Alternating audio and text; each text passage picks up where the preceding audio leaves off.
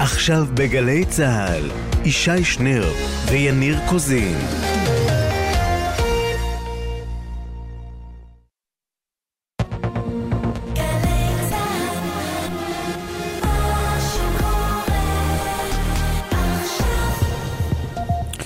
שלום לכן ולכם, עכשיו חמש בערב בגלי צה"ל, דרמה פוליטית. אבל לא אצלנו הפעם, נכון? נכון, נכון מאוד, הפעם לא. זה קורה בבריטניה כשראש הממשלה שם, בוריס ג'ונסון, מודיע כי הוא מתפטר מתפקידו. It is clearly now the will of the Parliamentary Conservative Party that there should be a new leader of that party and therefore a new Prime Minister. The process of choosing that new leader should begin now, and the timetable will be announced next week. זה ברור עכשיו שרצון המפלגה השמרנית הוא במנהיג חדש, ולכן גם בראש ממשלה חדש. תהליך בחירת המנהיג החדש צריך להתחיל עכשיו, אומר בוריס ג'ונסון, ובשבוע הבא נודיע לתוכנית, ועכשיו... תרגום חייבים, לפני האות. עכשיו האות.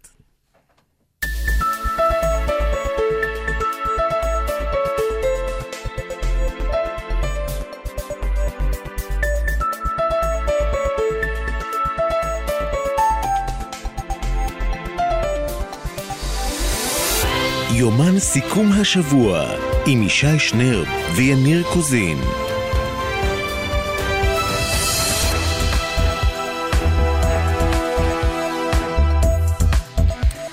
ערב כן. טוב לך, יניר קוזין, כתבנו המדיני, שמסתובב לו בארמון האליזה, נכון. חורש את סמטאות פריז יחד עם מקרון. מסתובב, זה כאילו אתה, כאילו הייתי שם איזה שלושה ימים. יותר כמו שלוש שעות, אבל כן. אבל תענוגות הכתבים המדיניים לא פסחו גם עליך, כן. ואתה אל תמכור לי את זה בתור סבל. שמע, זה היה... בזמן שאנחנו נאנקים פה, בטח. תחת אה, יוקר המחיה, שנדבר גם עליו עוד מעט. תראה, הי- הייתה, נסיעת בזק של לפיד אה, לפריז, אבל אה, אם כבר אתה מדבר על הת"ש, אז אה, זו הייתה אה, ממש... אה, זו הייתה תחושה של משה רבנו. הגענו לארץ המובטחת, ולא דרך, כף רגלינו לא דרכה מחוץ לארמון האליזה. אתה יודע, עברנו ליד אה, שער הניצחון, ועברנו ליד אה, אה, פסל, אה, פסל החירות. עברנו ליד מגדל אייפל, ובשום מקום לא עצרנו. אז אני לא יודע אם זה שווה, שווה יותר להיות פה ולא, או להיות שם ולא לא לחוות. יניר, אתה יודע כמו מה זה נשמע לי? כמו אוי אוי אוי, כמובן. אוי אוי אוי במקרה של הצרפתים. אגב, אה, תוך כדי תנועה, אתה יודע, ממש על האות עכשיו, ש- שנכנס פעמיים, עוד ידיעה שמגיעה עכשיו, אפרופו מדיני, כן. ששגרירות אה, אה, אוקראינה בישראל מודיעה שיהודים לא יוכלו להגיע לאומן בראש השנה. באיזה קטע? זאת אומרת, זה מיל- נקמה בגישה לא, האוקראינית כלפי ישראל שלא מספיק תומכת בה במלחמה מול רוסיה? איך אתה שזה- ישר הולך לקונספירציות? אני עיתונאי, אבל... יש- יש או- עניין או- של- או שזה עניין ביטחוני, בטיחותי אמיתי. זה עניין בטיחותי, ביטחוני, כך לפחות אה, השגרירות, אה, השגרירות האוקראינית בישראל מסבירה. הסיבה לכך היא המצב הביטחוני המסוכן לזרים להיכנס לאוקראינה. בהיכרותי עם ציבור הברסלבים שנוסעים זה רק לאומן, ידליק אותם עוד יותר. זה חד משמעית לא יעצור אותם. אם אתה רוצה שרבי נחמן ימשוך אותך מהפאות מהגיהנום, אתה יכול להיכנס לכל מיני גיהנומים עלי אדמות. הרי, הרי אתה כמובן אה, זוכר, אתה זוכר כמובן את, אה, את כשהייתה, אה, היה איסור בענייני הקורונה. אתה זוכר נכון. את החבר'ה זה, מגיעים זה לא עצר אותם. בבלארוס שם, יושבים ב, בגבול. בגבול, כן, היו אגב מקרים של מצוקה אמיתית שם, ואם אתה זוכר, בקורונה מי שהכין את המתווה לכניסה לאומן היה השר זאב אלקין, אז, ו- אז בליכוד, וממש בדיוק, בלי- במקרה שתכננו. מראש, ראיון עם השר זאב אלקין, כן. אה, שר השיכון והבינוי, הפעם מתקווה חדשה בהמשך השידור, גם קטי שטרית מהליכוד תהיה איתנו כאן לקראת הבחירות המקדימות שם. בהחלט מאוד מעניין. אגב, אה, שיכון ובינוי, פינת בדיקת עובדות מעניינת. מעניין, כדאי לי, אנחנו ממליצים לפרופסור שמחון להאזין לה- בהמשך. אה, נדבר גם עם רית ליליאן, הממונה על השגרירות הישראלית באנקרה לקראת אה, חידוש הטיסות. מנכ"לית ועדת. הבחירות, אורלי עדס. איך אפשר אני בלי? מתכנן להציק לה למה צריך ארבעה חודשים של בחירות עכשיו, זה מי לעזאזל צריך. זה הדגל שלך. אתה אני- תקפל את הדגל אני- הזה אני גם. אנופף את הדגל הזה. אה, גם אה, פרופסור דור ורמן כמובן על מה שקורה בבריטניה, אה, ועוד ועוד ועוד. כן. אגב, הרבה- יהיה, אה, יהיה לנו פה גם, טוב, זה בהמשך, זה כבר ב- ב- בשעה שש. אה, יש לנו עוד הרבה הרבה דברים מעניינים. אבל לפני כל אלה, סיכום זריז של חדשות היום. אז הנה, אנחנו עכשיו אומרים שלום לגל אשת, כתבת חדשות החוץ, עם העניינים בבריטניה. שלום. שלום יניר וישי, ראש ממשלת בריטניה בוריס ג'ונסון התפטר היום מתפקידו, אחרי חודשים רבים של לחץ ציבורי ויומיים קשים במיוחד, בהם כמעט 60 מחברי מפלגתו התפטרו במחאה נגדו. ההתפטרות קורית ברקע מספר פרשות שהעיבו על כהונת ג'ונסון, בראשונה פארטיגייט והפרות הסגרים בדאונינג 10, ולאחר מכן הצבעת אי האמון נגדו בקרב חברי המפלגה השמרנית בחודש שעבר, אותה הצליח לשרוד וזכה בכך לחסינות של שנה. אבל הקש ששבר את גב הגמל הייתה העובדה שג'ונסון קידם את מקורבו קריס פינצ'ר במעלה הסולם הפוליטי, למרות שידע על ההאשמות הרחבות נגדו בגין הטרדות מיניות. שעות ספורות לפני שהתפטר מינה ג'ונסון קבינט שרים חדש, שיהווה ממשלת מעבר במקום השרים שעזבו, ובשבוע הבא יחלו הטוריז בתהליך מציאת מחליפו. תודה גל, ואנחנו עם דורון קדוש, כתבנו לענייני צבא וביטחון, שלום. שלום יניר וישי, השב"כ מתיר היום לפרסום כי בדואי תושב הפזורה התגייס לצה"ל בהוראת ארגון טרור מעזה כדי לאסוף מידע פנימי ונעצר לאחר ימים ספורים. שמו הוא שחאדה אבו אלקיעאן, תושב פזורות חורה בנגב. הוא התגייס לצה"ל לפני כחודש וחצי ונעצר כעבור כשבוע. בחקירתו בשב"כ התברר שהוא גויס על ידי ארגון הטרור קטאיב אל-מוג'אהידין מעזה, ארגון טרור קטן, פחות מוכר, והוא הונחה על ידו לצלם בסיסים ולאסוף מידע צבאי למשל על חיילים בדואים שמשרתים איתו בצבא. עוד עלה בחקירה שהמניע שלו היה רצון לנקום במדינה על כך שהרסה את בית משפחתו, בית שנבנה באופן בלתי חוקי בנגב. היום הוגש נגדו כתב אישום בעבירות חמורות של ביטחון המדינה. תודה רבה דורון קדוש, אגב גם זה חתיכת סיפור הסיפור הזה. חתיכת סיפור לגמרי. כן, נרחיב על זה אולי בהמשך, ועכשיו אומרים שלום לטל אור מאירסון, כתבתנו לענייני בריאות, שלום. שלום יניר וישי, ראש שירותי בריאות הציבור, הדוקטור שרון אלרועי פרייס, מודיעה כי לאור הצלחה בבלימת התפרצות הפוליו, הוחלט לעצור את מבצע שתי טיפות הנרחב, ולהפסיק לקרוא לילדים בגילי 7 עד 17 להתחסן נגד פוליו. מי שקבע כבר תור או רוצה להתחסן יכול, אבל יפסיקו לעודד התחסנות נגד פוליו בצורה אקטיבית. ההנחיה להקדים את החיסון המומת נגד פוליו אצל תינוקות, שנכנסה לתוקף עם זיהוי המקרה הראשון, לא משתנה בשלב זה. המאמצים התמקדו כעת באזור ירושלים, שם היו רוב דגימות הביוב והצואה החיוביות לאורך המבצע. לדברי פרייס הושגה שליטה על ההתפרצות ו-150 דגימות מי הביוב שנעשו במהלך חודש יוני יצאו שליליות. התאריך האחרון בו נמצאה דגימת מי ביוב חיובית הוא 30 במאי, ורק בעוד חמישה חודשים, בתקווה שלא תהיינה תוצאות חיוביות נוספות, יהיה ניתן לומר שהתפרצות הפוליו מאחורינו. תודה טלור, ולמאזיננו בנתב"ג, או שנמצאים בתורים או בדרך, בפקקים לנתב"ג, אנחנו אומרים שלום וערב טוב לעינב קרנר, כתבתנו לענייני צרכנות. שלום יניר וישי, אכן פריצת דרך בקשרים התעופתיים בין ישראל וטורקיה. שרת התחבורה מרב מיכאלי עדכנה הבוקר כי שתי המדינות תחתומנה היום על הסכם תעופה הדדי חדש לראשונה מאז שנת 1951, ובכך הוא יאפשר פיתוח קשרי תעופה בטיסות ישראליות לטורקיה.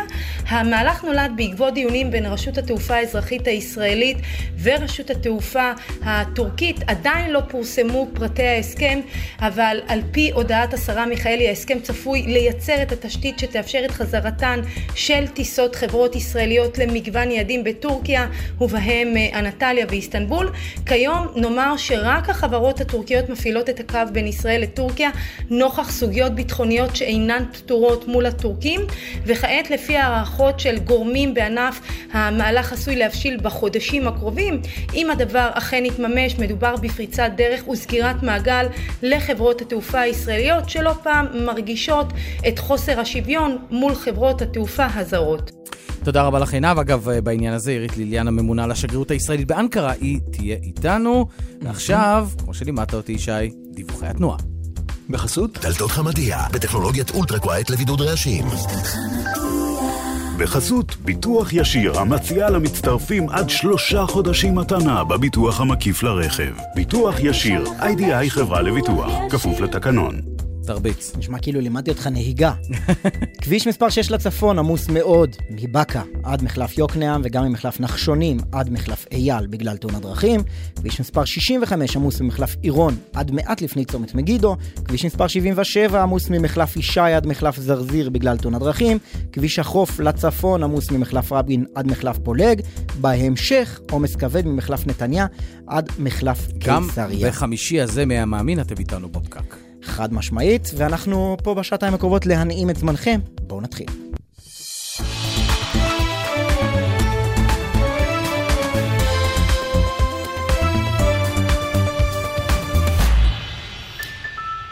כן. יניר, מסקנה ראשונה מהתפטרות בוריס ג'ונסון. קודם כל, מה זה הדבר הזה? סליחה, עם כל הכבוד איזה לברית. דבר?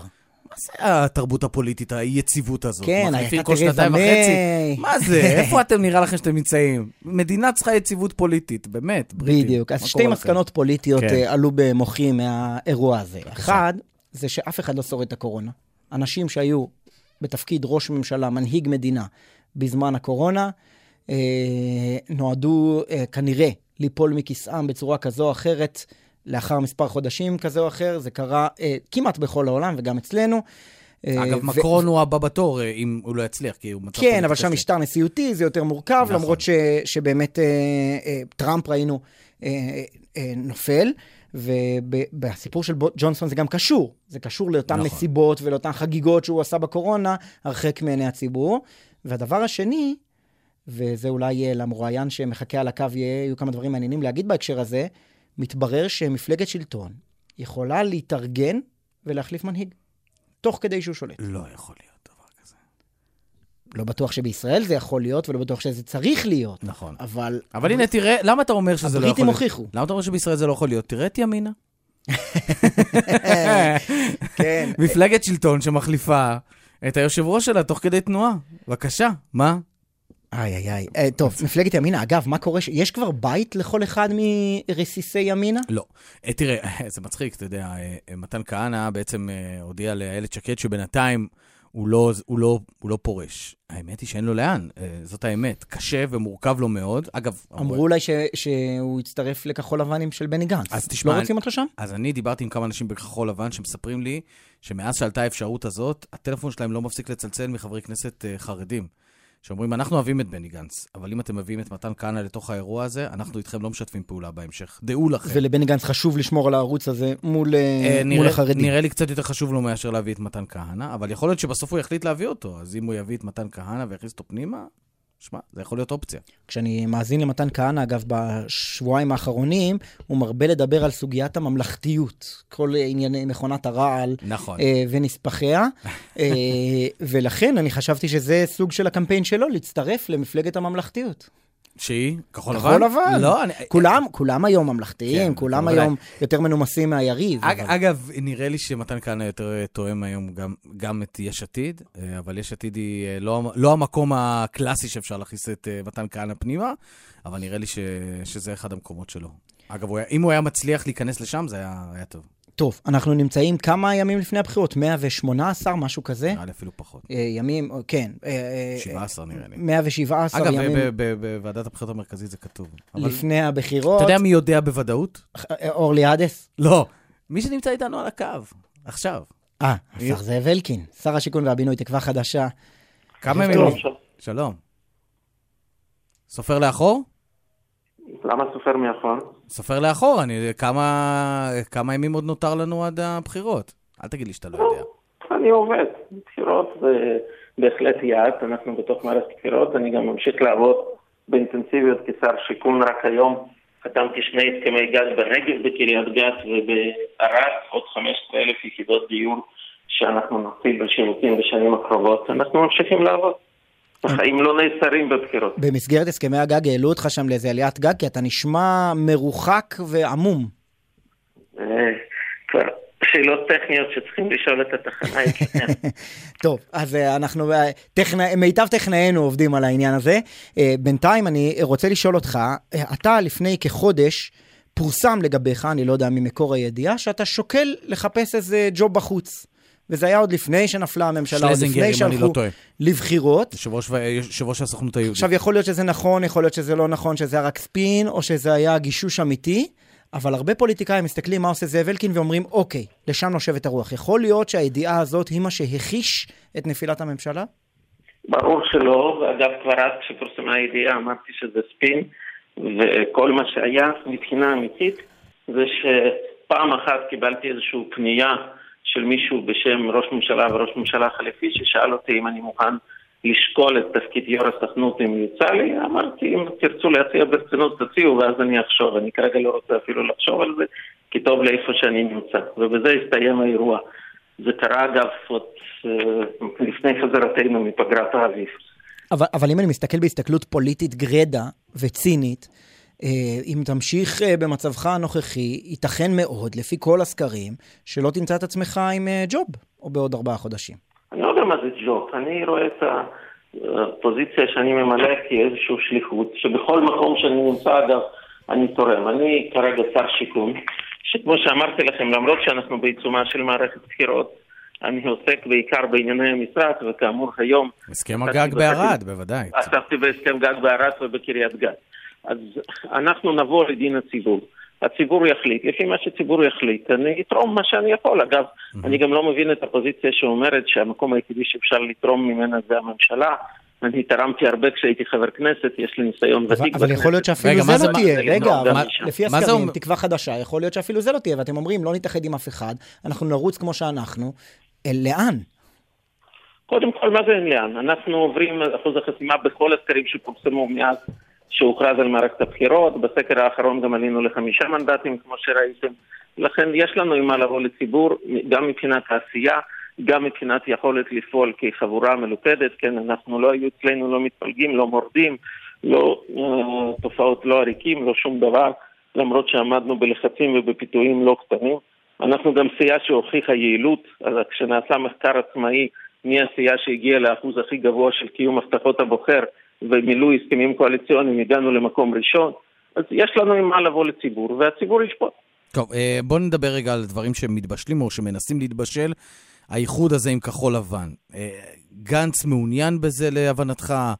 אה, גדעון סער רוצה את זה? איפה זה עומד?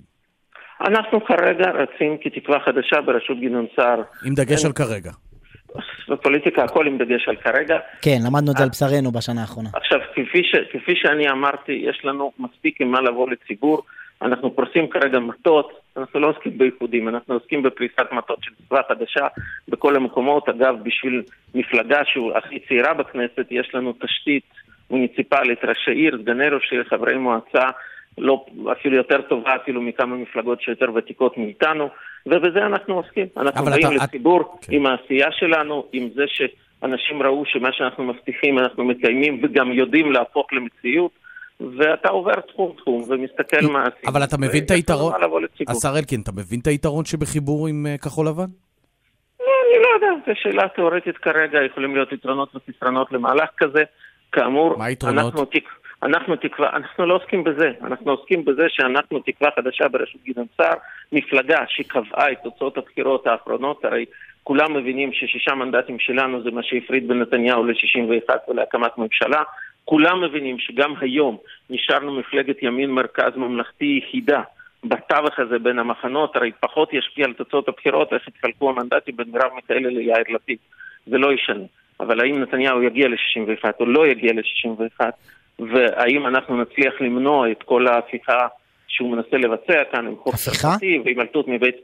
בוודאי, להעביר חקיקה כמו חוק צרפתי, לשנות את כל המערכת, ואנחנו בעד רפורמות במערכת המשפט. גדעון סער כשר משפטים, דווקא בקדנציה הקצרה של שנה, ידע להביא לא מעט רפורמות כאלה, בהידברות, בנועם.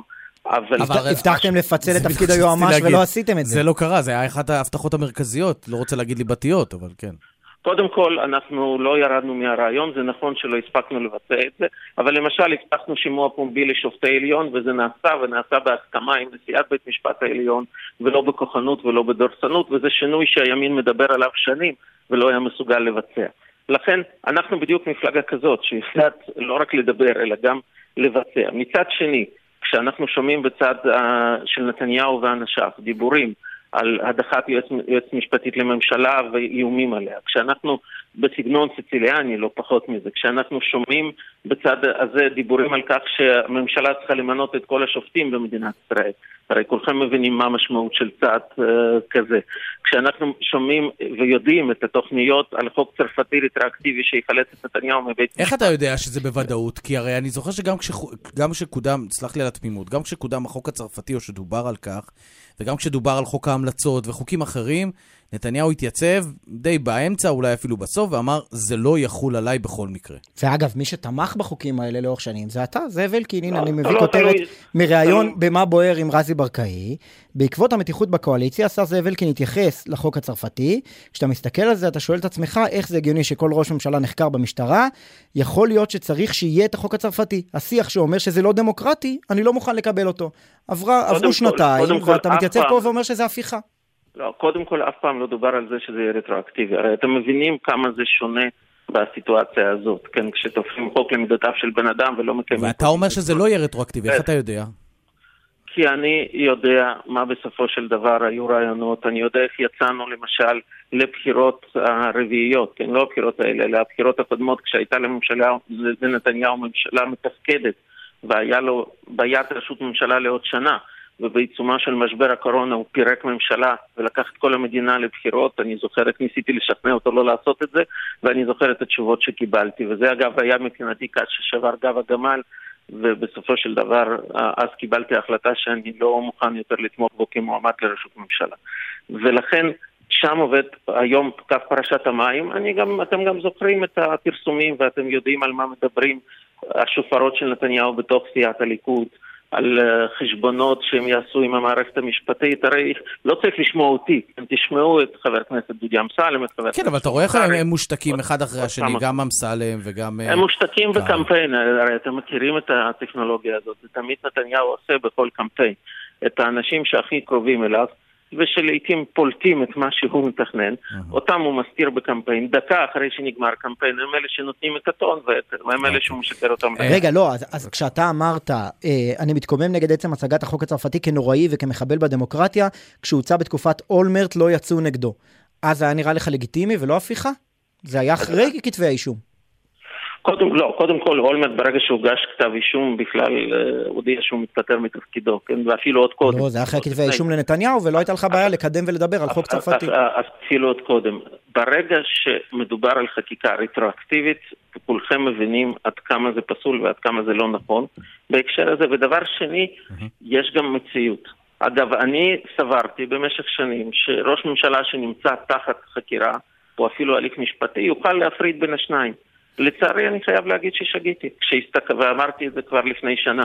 כשראיתי מה קורה לנתניהו, שהוא בן אדם סופר מוכשר, כן, עם המון ניסיון, אבל איך כל תהליך קבלת החלטות שלו משתנה בעקבות זה שהוא מתחיל לשקול שיקולים של המשפט שלו, ואיך הוא לוקח מדינה שלמה לבחירות רק בגלל הרצון שלו להשפיע על מינוי פרקליט מדינה ולנסות להגיע ל-61 כדי להעביר חוק שיעזור לו באופן אישי. אני חושב שזה בדיוק הלקח okay. אוקיי. לכולנו, שזה מצב שהוא לא נכון. טוב, אה, דיברנו, הארכנו ארוכות על, אה, דיברנו ארוכות על אה, השר, סגן השר מתן כהנא שמחפש את ביתו הפוליטי. יש לו מקום בתקווה חדשה? קודם כל, יש מקום בתקווה חדשה לכל מי שרוצה להצטרף אליה וחולק איתנו אותה אידיאולוגיה ואותה דרך. אני לא יודע מה בסוף מתן רוצה. באופן אישי, אנחנו כרגע רק עוד בתחילת תהליך בכלל של היערכות פוליטית, תקווה חדשה עוד לא בנתה את הרשימה שלה, גם מי שבונה את הרשימה זה לא אני, אלא יושב ראש המפלגה. אה, זה נכון גם לאיילת שקד, דרך אגב? עם איילת אנחנו חלוקים לגבי השאלה מה התוצאה הרצויה של הבחירות. הרי איילת, וזה לא קשור להערכה שיש לי לאיילת, יש את ציבור, אנחנו עבדנו יד ביד על הרבה נושאים בממשלה הזאת, כן, תסתכלו על התוכנית להקמת יישובים בנגב, דברים שדיברו עליהם שנים ולא עשו, והעברנו החלטות ממשלה על הקמה של 15 יישובים בנגב ובערבה, בתוכם שתי ערים, שאחת מהן ממש מתקדמת בימים האלה. עבדנו ביחד על עוד נושאים, בכלל על משבר הדיור. אוקיי, עבדתם ביחד, אבל, מחלוקת. אבל מה המחלוקת? יש לנו מחלוקת עקרונית, האם זה נכון שנתניהו יחזור להיות ראש ממשלה, כן או לא, היא מוכנה לזה, אנחנו לא. אתה בשום לא פנים ואופן לא, לא תשב בממשלה שנתניהו ראש ממשלה בה? אנחנו לא נחזיר את נתניהו להיות ראש ממשלה, הרי אם היינו רוצים לעשות את זה, היינו עושים את זה עכשיו, כן? במשא ומתן שניהלתם עם אה, הליכוד. זה הביקורת עליכם מימין, שיש 70 אה, אה, פלוס חברי כנסת מימין שמסכימים על אג'נדה ימנית נקרא לה בכנסת, אבל הם לא מקימים ממשלה יחד, כי תקווה חדשה החליטה להחרים את נתניהו. מה זה לפריטה להחרים? אנחנו סבורים שנתניהו לא יכול להמשיך לכהן כראש ממשלה בגלל כל מכלול הסיבות שתיארנו אותן ולכן אתה יכול לשאול את אותה שאלה לגביו אם הוא יזוז הצידה כל מועמד אחר מהימין יוכל להקים כאן ממשלה ולא היינו צריכים לצאת לבחירות אבל אם היינו מוכנים להתפתות לשבת תחת נתניהו הוצע לנו עולם ומלואו. במשא ומתן שניהלו תקווה חדשה עם הליכוד לפני כחודש, חודש וחצי, הוצע... כן, עוד, עוד פעם חוזרים לאגדה אורבנית. למה הוא אגדה אורבנית? אתה יודע מה, השר אלקין, אתה הרי ישבת לא פעם ולא פעם עם יריב לוין, על דברים שקשורים לכנסת כשר המקשר בין הממשלה אל הכנסת. לא דיברתם על האפשרות, יריב לוין לא הציע לך אפשרויות להקים ממשלה עוד בכנסת הנוכחית, זה לא עלה אף פעם? קודם כל לא ישבתי הרבה עם יריב לוין, תתפלא, ישבנו פעמים בודדות בחצי שנה האחרונה. אוקיי. דבר, ובאמת דיברנו, בדרך כלל זה היה בהקשר של השיח בכנסת, על סדר יומה של הכנסת. האם העבירו אלינו הצעות בערוצים כאלו או אחרים? כל הזמן. גם כמפלגה וגם לכל אחד לחוד. זה לא חדש, אף פעם לא, כאילו, כולם ידעו את זה. אבל בסוף, על כל ההצעות האלה אמרנו תשובה מאוד ברורה, והתשובה הייתה לא. והמבחן המעשה הוא גם מאוד ברור. ועל זה יש לנו מחלוקת עם איילת, כי היא הייתה מוכנה להקים, אפילו בכנסת הזאת, ממשלה בראשות נתניהו, ואנחנו לא הסכמנו, ולכן גם הממשלה הזאת לא הוקמה. תגיד, השר אלקין, מה המסקנה שלך מהשותפות עם רע"מ בממשלה הזאת? אני חושב שזו תופעה מורכבת. מצד אחד, אני חושב שהעובדה שקם מנהיג מפלגה ערבית כמו מנסור עבאס, ואומר מדינת ישראל היא מדינה יהודית, אני מבין את זה. אומר, אני רוצה לדאוג לציבור שלי כאן, במדינת ישראל, ולא להיות נציג של רשות פלסטינית, מגנה את הטרור, אני חושב שזה תופעות מאוד מאוד חשובות שצריך לחזק אותן. כן, זה טוב שיש מנהיגים כאלה ברחוב הערבי. אוקיי, זה טוב, אבל, אבל, אבל בפועל השותפות איתם קרטעה, הם לא הצביעו בעד חוקים אה, שנראים טריוויאליים לרוב לא, ממשלות ישראל לאורך כל אורך השנים. שאלה אם זה דבר שרצוי גם בהמשך. אז לכן אני אומר שמצד אחד אני חושב שזו תופעה חיובית, וצריך לחזק מנהיג uh, ערבי ששם דגם אחר ומדבר על השתלבות ולא דגם של מאבק במדינת ישראל. מצד שני, אני חושב שחלק מהניסיון שצברנו בקדנציה הזאת, שיהיה נכון שאם מפלגה כמו רע"מ מצטרפת לקואליציה, היא לא תהיה תנאי ל-61 בתוך הקואליציה הזאת, כדי שנוכל לשנות את המציאות. בעצם אתה אומר מה שאמסלם אומר, למעשה. אהלן וסהלן, שלא... כן, אחרי 61, אהלן וסהלן. אגב, על זה הוא קיבל על הראש, כי פה הוא חשף את מה שנתניהו היה מוכן לקחת את רע"מ גם בתוך 61, הרי. אולי גם אתה תקבל על הראש. גדעון סער יצייץ בטוויטר לתדהמתי. שמעתי את זאב אלקין מתראיין בגלי צה"ל, ואומר אהלן וסהלן. אל, אל, אל תדאג, אני וגדעון יודעים, יד ב, יודעים לעבוד יד ביד ומתואמים בינינו וגם okay. אוקיי. מתנהלים. רגע, אבל לא, אבל אני רוצה לתרגם את מה שאמרת להצהרה פוליטית, שאנחנו לא יודעים מה ערכה בארבעה חודשים לפני בחירות. לא תשב בממשלה שרע"מ היא המשלימה ל-61? אני אומר, אני מנסח את זה אחרת. אני אומר שמצד אחד, מנסור עבאס ראוי להערכה על העמדה המאוד מאוד אמיצה שהוא לקח, אגב שמסכנת אותו אפילו באופן פיזי, כן, בגלל ההתקפות כן. שיש עליו בחלק מהרחוב הערבי במדינת ישראל, ולכן צריך לחזק את המגמה הזאת, ואני חושב שבהחלט רע"מ יכולה להיות שותפה קואליציונית, רצוי שהיא לא תהיה חלק מ-61, ואז נהיה פטורים מה... חלק מהבעיות שהיו בקדנציה הזאת, ומצד שני נחזק את המגמה שראוי לחזקה בתוך המגזר הערבי במדינה. נסכם שזאב אלקין ודוד אמסלם אה, מסכימים על משהו. זה מאוד נדיר, אגב, דוד אמסלם על זה שהוא חשף את העמדה האמיתית של נתניהו, שלמרות הביקורת שלו עלינו, הוא אף פעם לא... באמת לא חשב שהוא לא יכול להיעזר ברשימה מש... ברע"מ. אגב, הוא היה מוכן שהם יהיו חלק מ-61, הרי על מה היה מאבק נכון. סמוטריץ' שלו? הלחץ שלו על סמוטריץ' היה להסכים שרע"מ ישלימו ל-61 את כן, בהקמת כן. הממשלה. טוב, אה, השר זאב אלקין, ולא דיברנו בכלל על השיכון והבינוי, אבל זה כנראה יהיה בפעם הבאה. אגב, זה נושא... לא, דיברנו על הסכמי הגג, זה נושא חשוב. נכון, נכון, נכון. מהשאלות הפוליטיות, לכן אשמח אם תעלו אותי לדבר על הדברים האמיתיים, כמו דיור, הרבה יותר חשוב מהפינפונט הפוליטי. אתה צודק מאוד, אבל אה, נסחפנו בשיח הפוליטי, ואנחנו מבטיחים בפעם הבאה לדבר בעיקר על זה. תודה רבה לך. תודה רבה וערב טוב. ערב טוב. אגב, אה, בהקשר הזה, יש משהו שמציק לי, יש לי זמן להגיד אותו? אה, אתה תקבל מכות מהעורך, אבל בסדר. אז רגע לפני שרועי ולד נותן לנו מכות, יש קול כזה שאומר על, אלינו העיתונאים, עכשיו בתקופת בחירות, תפסיקו לדבר פוליטיקה כל הזמן, תשב עם ההוא, תשב עם הזה, תשב עם זה, זה, זה, זה סתם הרי, אי אפשר להאמין להבטחות שלהם, תדברו מהות, תדברו על תוכניות. אני נורא רציתי לעשות את זה, אבל אתה נתקעת שם עם נכון, רעם, אני חייב להגיד למה? לך. אני אגיד לך אבל למה. בבקשה. ודיברנו בבחירות הקודמות, אתה זוכר כמה שעות הקדשנו לדבר על תוכנית סינגפור של בנט, ועל ספר המצע של גדעון סער, mm-hmm. ועל התוכניות של uh, הליכוד למערכת המשפט, הכל באמת התברר כעוד יותר רוכבים עלינו. אז בוא, בוא, בוא נדלג ישר אה, לעניין. יש לי ויכוח איתך על זה, אבל uh, כבר ממתינה לנו... בוא נתווכח אחרי הראיון. בדיוק, ממתינה לנו בסבלנות רבה חברת הכנסת קטי שטרית מהליכוד, שלום. שלום וברכה, מצטערת על הצרידות. אני מקווה שלא תצטרפי לעורך שלנו רועי ולד ותתני לי מכות כן. על העיכוב הזה. לא, זה טוב ברדיו צרידות, לא. אה, חברת הכנסת כן, שטרית. זה- משמעת זה הולך טוב. רדיופונית אוקיי. לעילה ולהי. כן. טוב, אז אה, שמעת את אה, זאב אלקין אה, אומר, למרות שישי ניסה שוב ושוב לשאול אותו, הוא אומר עם נתניהו, אנחנו גמרנו את הסיפור, וכל מי שרוצה לעשות איזה שהם עסקים עם נתניהו, כלומר לשבת תחתיו בממשלות הבאות, הוא לא יכול להיות חלק מאיתנו. וזה מעציב אותי, אתה יודע. את מכירה אותו, את אלקין? ממשיכות, החרמות ודאי, אני גם אפילו תמכתי בו בעבר וגם סייעתי לו.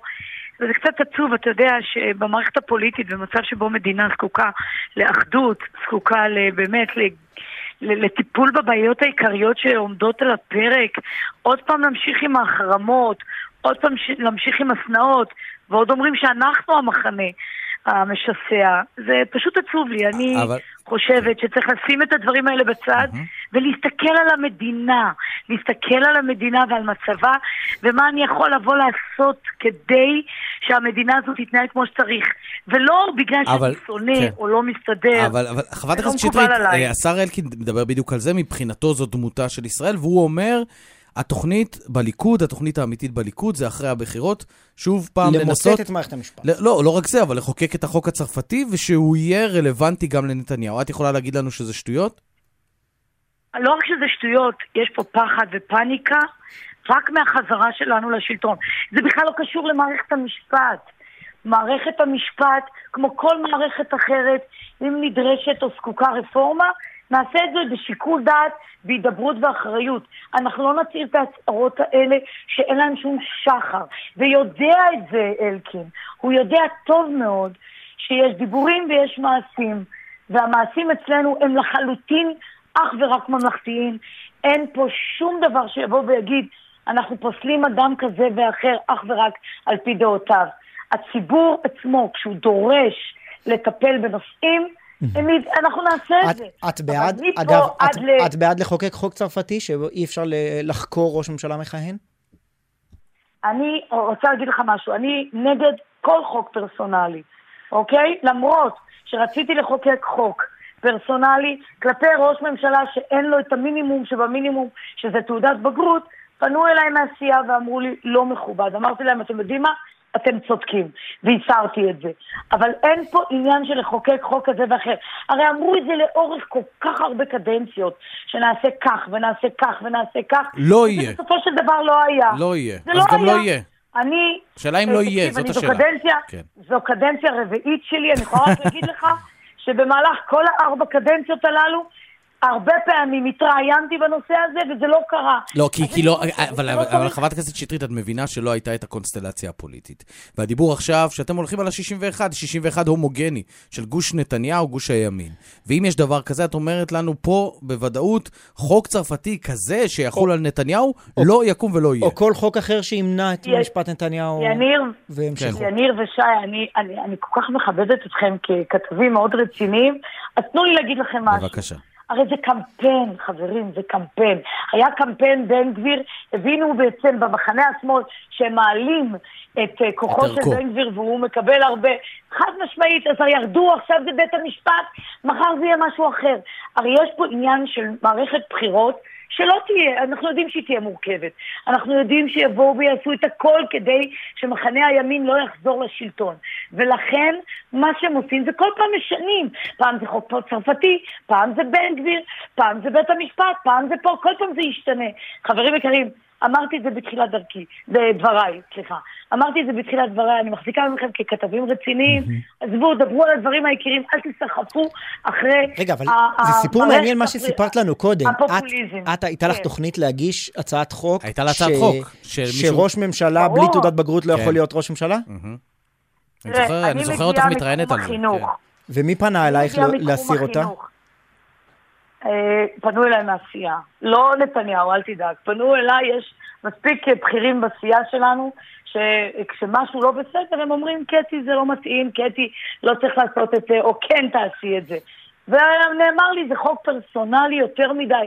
הרי בואו, כולנו יודעים שמדובר בלפיד, שאין לו תעודת בגרות, ולצערי הרב זו אמירה כאשת חינוך. אני חושבת שנבחרי הציבור שלנו, באשר הם, לא משנה מה, צריכים שתהיה להם השכלה, לפחות מינימלית. ולצערי הרב, כשאין תעודת בגרות, מבחינתי זו אמירה לדור, לדור שלנו, חברים יקרים, אל תתאמצו, לא צריך תעודת בגרות, אפשר להיות ראש ממשלה גם בלי תעודת בגרות.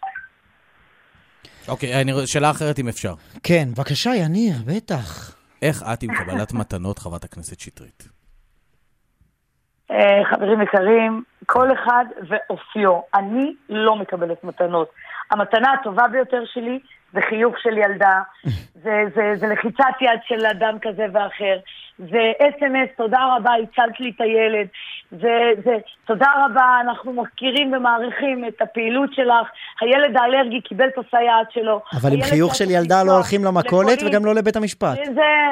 אני, חברים יקרים, לי, אני לא הגעתי למערכת הבחירות אתמול שלשום. אני הגעתי למערכת הבחירות, ואני, אה, סליחה, לשירות הציבורי הגעתי לפני 30 שנה, ועסקתי בהרבה מאוד תפקידים, הגעתי מוכנה ובשלה, ובעיקר שבעה. וראית פעם תופעה כזאת של, דבר... של אה, משרת ציבור שמקבל ממיליארדר סיגרים בשווי של אה, מאות אלפי שקלים, עשרות אלפי שקלים, יש אה, מחלוקת, במשך תקופה פשוט מקבל דברים ששוויים מאוד גבוה ממיליארדרים? חברים יקרים, אני שוב חוזרת על הרצינות ועל המקצועיות שלכם. אני מציעה שנחכה לתום עדותה של הדס קליין, ול... והכי חשוב, לסנגוריה. ואנחנו יודעים טוב מאוד איך מתחיל נגדית. משפט, ואיך מתחילה החקירה, ואחר כך החקירה הנגדית שבעצם אה, אה, אה, מבטלת את כל מה שנאמר, ואפילו אה, מביאה למבוכה קלה את הפרקליטות על אה, כך שפתאום העד הזה מעד מדינה הופך להיות... טוב, זה 4,000. ומעד מדינה. כן, חברים נכון, יקרים, זה גם יהיה כאן וזה יהיה בכל... בכל, לאורך כל המשפט. לכן בכלל, משפטי נתניהו הייתי מציעה לחכות. טוב, אה, אנחנו ממש שאלה, 20 שניות לגבי הבחירות המקדימות, הפריימריז. יש כל מיני הצעות לשנות אה, את, את, את, את אופן החלוקה, להשאיר את הרשימה כמות שהיא עד מקום 30, לא לתת לכם להתמודד, מה את אומרת? אז תראו, כפי שאתם בטח יודעים, אתם יודעים, לא כולם מעורבים. אני אנסה לעשות את זה בקצרה. לא כולם מעורבים בעצם במשא ומתן, עם הסכמות, לא הסכמות. אני יודעת שיש חילוקי דעות, כפי שיש בכל מפלגה דמוקרטית, בעיקר במפלגה שלנו, שהיא הכי דמוקרטית. בסופו של דבר יש לליכוד חוקה, ויש ועידה, ויש מוסדות, ויש אה, חברים שנמצאים שם, ויש גם גורמים משפיעים, ואני מעריכה שביום ראשון או שני הקרוב, שתתכנס ועדת חוקה, והיא תקבע את המועד, ותקבע את הרשימה, ותקבע את הכללים. חברים יקרים, נתניהו טוען ש, ש, שיש לנו את המפלגה הדמוקרטית ביותר, אין לי מה להגיד, רק להגיד כמה הוא צודק. שזה מהות הדמוקרטיה. חברת הכנסת קטי שטרית מהליכוד, תודה רבה לך. תודה רבה. תודה רבה. ולבריאות עם הצרידות. גוגל מוגל. אמן, אבל אתה יודע, זה ייקח קצת זמן, אני חיה ברכב בימים האלה. חצי מדינה צרודה עכשיו, את בחברה טובה. אנחנו יוצאים אה, אה, לתשדירים, חברת הכנסת קטי שטרית, אחר כך בדיקת עובדות.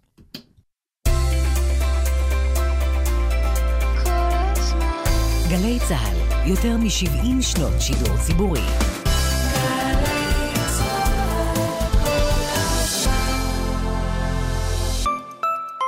אקדמית אחווה מציגה חינוך מחוץ לכיתה ומחוץ לקופסה. תואר שני שיסייע לכם להשתתף בעיצוב החינוך בארץ. יום פתוח בזום, 13 ביולי באקדמית אחווה. האקדמית אחווה אין ספור הזדמנויות להגשים חלומות. לפרטים כוכבית 3622. ימים אחרונים למבצע סוזוקי לעמיתי מועדון חבר. הנחות ייחודיות על מגוון דגמי סוזוקי, אס קרוס החדשה, ויטרה, איגניס וסוויפט. לפרטים היכנסו לאתר מועדון חבר או חייגו כוכבית 9955. חבר זה הכל בשבילך נכי צה"ל ומבקשי הכרה, לאורך שנים נטאטא מעצמכם. עכשיו, אנחנו כאן למענכם. במסגרת רפורמת נפש אחת, קידמנו שירותים החשובים לרווחתכם. ייעלנו את תהליך ההכרה, ועדות רפואיות הועברו לבתי חולים שיקומיים. שינינו את מבחני ההכנסה לטובתכם. הקמנו מערך סיוע והכנה לוועדות למבקשי הכרה חינם, והרחבנו את הטיפולים למתמודדים עם פוסט-טראומה ולבני משפחותיהם. היכנסו לאתר אגף השיקום במשרד הביטחון וממשו את זכויותיכם. שאלותיכם. האקדמית אחווה מציגה חינוך מחוץ לכיתה ומחוץ לקופסה. תואר שני שיסייע לכם להשתתף בעיצוב החינוך בארץ. יום פתוח בזום, 13 ביולי באקדמית אחווה. האקדמית אחווה אין ספור הזדמנויות להגשים חלומות לפרטים כוכבית 3622 הגבעטרון חוגגת 75 שנה.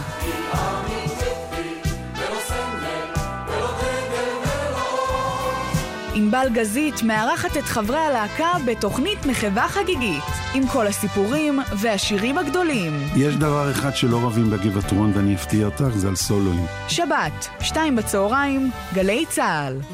מה זה באמת להיות ישראלי? דינה זילבר במסע לתוך הישראליות עם דמויות מפתח בחברה, בספרות ובתרבות. והשבוע, הרב בני לאו. רוב אזרחי מדינת ישראל לא פתחו את התנ"ך. הוא נמצא שם כמו איזה מזוזה, ואתה מזמין אותם במיזם הזה, 929, לפתוח את התנ"ך, ולהתיידד איתו, ולקרוא, ולשוחח. מילים ומשפטים עם דינה זילבר, הערב בשמונה, גלי צה"ל.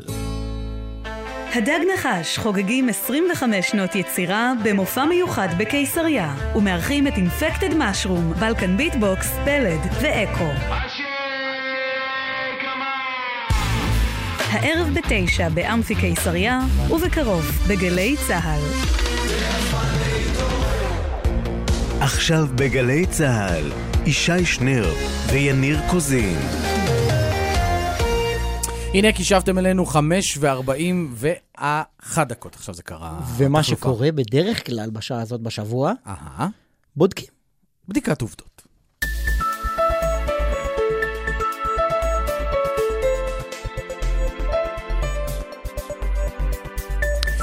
טוב, אה, אז נתחיל ככה. אה, אני רוצה לספר לך משהו, ישי, שאין אין, אין שום סיכוי ששמעת עליו. נו. מחירי הנדלן בעלייה מטורפת לאחרונה. מה?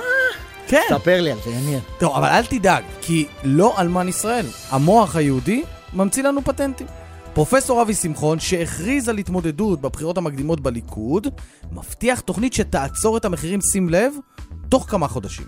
יש לי אה, תוכנית שבניתי ביחד עם אה, נתניהו להורדת אה, מחירי הנדל"ן. אני מאמין שאנחנו יכולים מהר מאוד, מהר מאוד, וכשאני אומר מהר מאוד, אני מתכוון תוך חודשים, לעצור לחלוטין אז את למה לא עשיתם את זה הנדל"ן. לפני?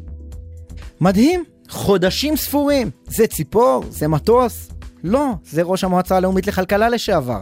אגב, הוא לא הסכים לחשוף את פרטי התוכנית הקסומה הזאת, אבל הבטיח שישיק אותה לקראת הבחירות. אבל רגע אחד, יניר, אם האיש הזה היה חמש שנים יועצו הכלכלי של נתניהו, למה הוא לא יצא אז עם התוכנית?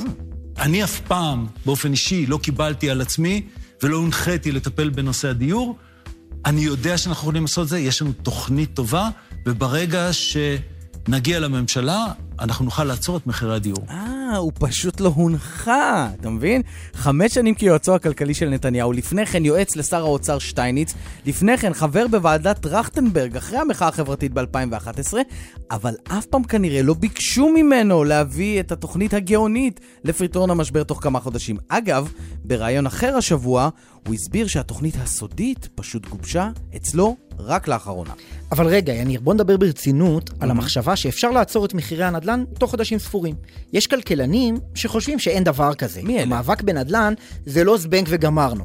אחד מהם, שאלת, כלכלן שאולי שמעת עליו בשם אבי שמחון. הוא אמר את זה כאן בגלי צה"ל רק לפני שמונה חודשים. זה לא מאבק שאתה יודע, אה, יורים במפלצת, הורגים אותה והולכים הביתה לאכול מרק כרוב. זה מאבק סיזיפי, מתמיד, ו... ולפעמים ההצלחה היא שזה עולה רק בשלושה וחצי אחוז, ולא, ולא ביותר מזה. רק כרוב. אה, זה דימוי מעניין שלא חשבתי שנגיע אליו. אגב, אה, וזאת עמדה עקבית של שמחון, זה לא רק עכשיו לפני שמונה חודשים, כבר ב-2013 הוא אמר לגיא רולניק דברים די דומים. תשמע, אתה יודע, נדל"ן זה לא משהו שאתה עושה ככה והכל מסתדר. כן. נדל"ן זה עסק מאוד מאוד רציני, שההשפעות של צעדי מדיניות לוקחות בין חמש לעשר שנים. כן, אז אבי, אבי שמחון הכלכלן חשב ממש עד לאחרונה שאי אפשר לעשות ככה הוא עשה, ככה, ולהוריד את מחירי הדיור. אבל אבי שמחון הפוליטיקאי, הוא מבטיח לעשות בדיוק בדיוק את זה. ולא רק זה, יניר. אתה זוכר שאותו אבי שמחון הסביר השבוע שהוא מעולם לא הונחה אישית לטפל במשבר הדיור? בוא רגע נזכר. אני אף פעם, באופן אישי, לא קיבלתי על עצמי ולא הונחיתי לטפל בנושא הדיור. אז בוא תשמע את הסיפור הזה, שסיפר אבי שמחון כאן בגלי צה"ל בשנת 2015, כשהיה יועץ לליכוד. לפני ארבע שנים בערך, אה, ראש הממשלה הסתובב אלינו פחות או יותר, ואמר, אה, טוב, אז למה המחירים, אה, למה המחירים עולים? ואנחנו אמרנו לו, המחירים עולים מפני שאין מספיק היצע, הביקוש לדירות יותר גדול מה, מההיצע. אז הוא אמר לנו, טוב, אז, אז מה עושים בעניין? מה עושים בעניין? לא ייאמן. דווקא נשמע שהוא כן הונחה לטפל במחירים. וזה קרה ארבע שנים קודם לכן, כלומר ב-2011. ב-2011, כבר לפני 11 שנים. אגב, שנה אחרי הסיפור הזה, בשנת 2012, השתתף פרופסור שמחון בכנס באוניברסיטה העברית והבטיח, אני מצטט, ב-2012, כן? הצעד הבא הוא שהמחירים ירדו. להערכתנו, בעשרה אחוזים. כך אבי שמחון. והנה, ברוך השם, עברו עשר שנים ומחירי הנדל"ן קפצו רק ב-60 אחוזים. מדהים מה שפריימריז יכולים לעשות למען הכלכלה.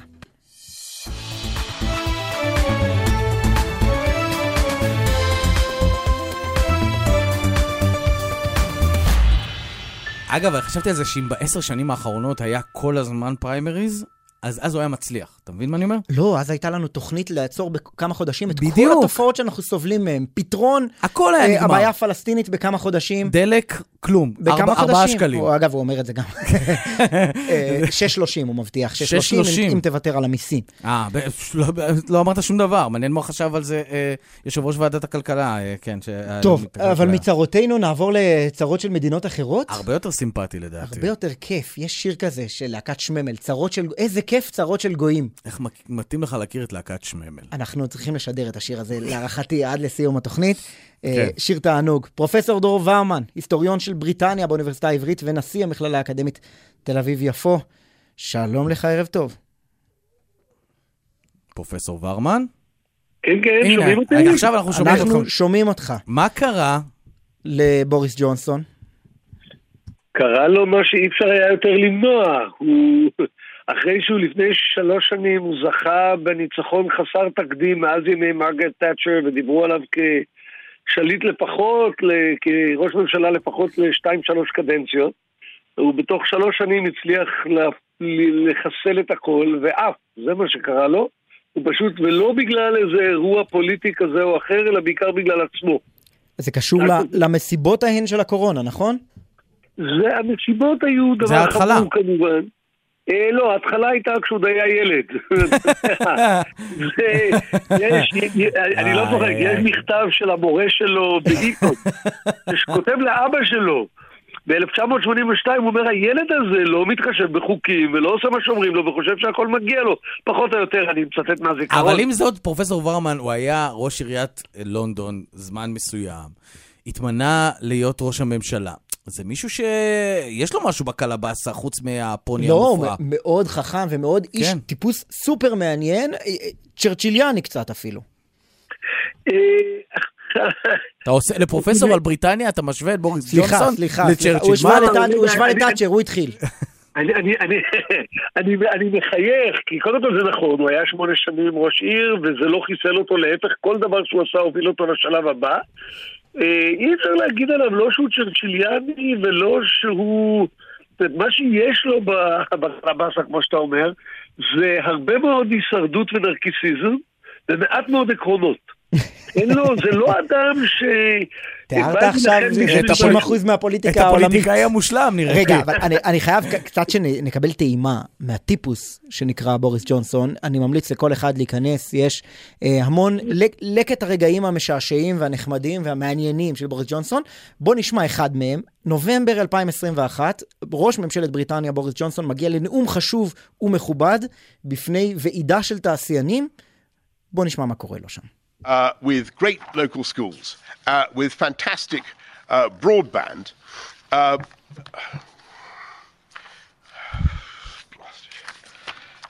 uh, forgive me. Forgive me. Forgive me. I was well. It's, it's fantastic. I was a bit hazy what I would find at Peppa Pig World, uh, but I loved it. And Peppa Pig World is, is very much my kind of place. Uh, it, it, it, it, it has uh, a uh, very safe streets. הוא- הוא פשוט איבד את עצמו באמצע נאום, ואז התחיל פפה. לספר על החזירה פפה, פארק השעשועים, החזירה פפה, שהוא מאוד אהב כילד, וטען שהיא אה, נראית לדבריו כמו מייבש שיער. טיפוס. תראו, זה, דווקא זה רגע טוב, שאתם רואים אותו מצליח לצאת ממצבים כאלה, הוא מאוד כריזמטי. אה, אנשים סלחו לו על דברים שלא היו סולחים לאף אחד אחר. והרבה מאוד פעמים זה גם, זה קידם אותו. זאת אומרת, זה קידם אותו. אה, ידעו עליו, היום אין חידוש גדול בכל רשימת השרים שהתייצבה היום להתפטר ואמרו לא יעלה על הדעת איפה היושרה והדיבור האמת וכן הלאה, אין פה אחד שלא ידע, לא היה ילד בן עשר שלא ידע מי ראש הממשלה, ואנשים גם אהבו את זה, הוא היה מין שובב, קונדס ונחמד. אה, אבל- ככה זה- ככה זה היה הרבה מאוד, זאת אומרת, זה מה שהעלה אותו, ובסופו של דבר זה גם מה שהפיל אותו, כי הוא לא הבין את ההבדל בין להיות מועמד לבין לנהל מדינה.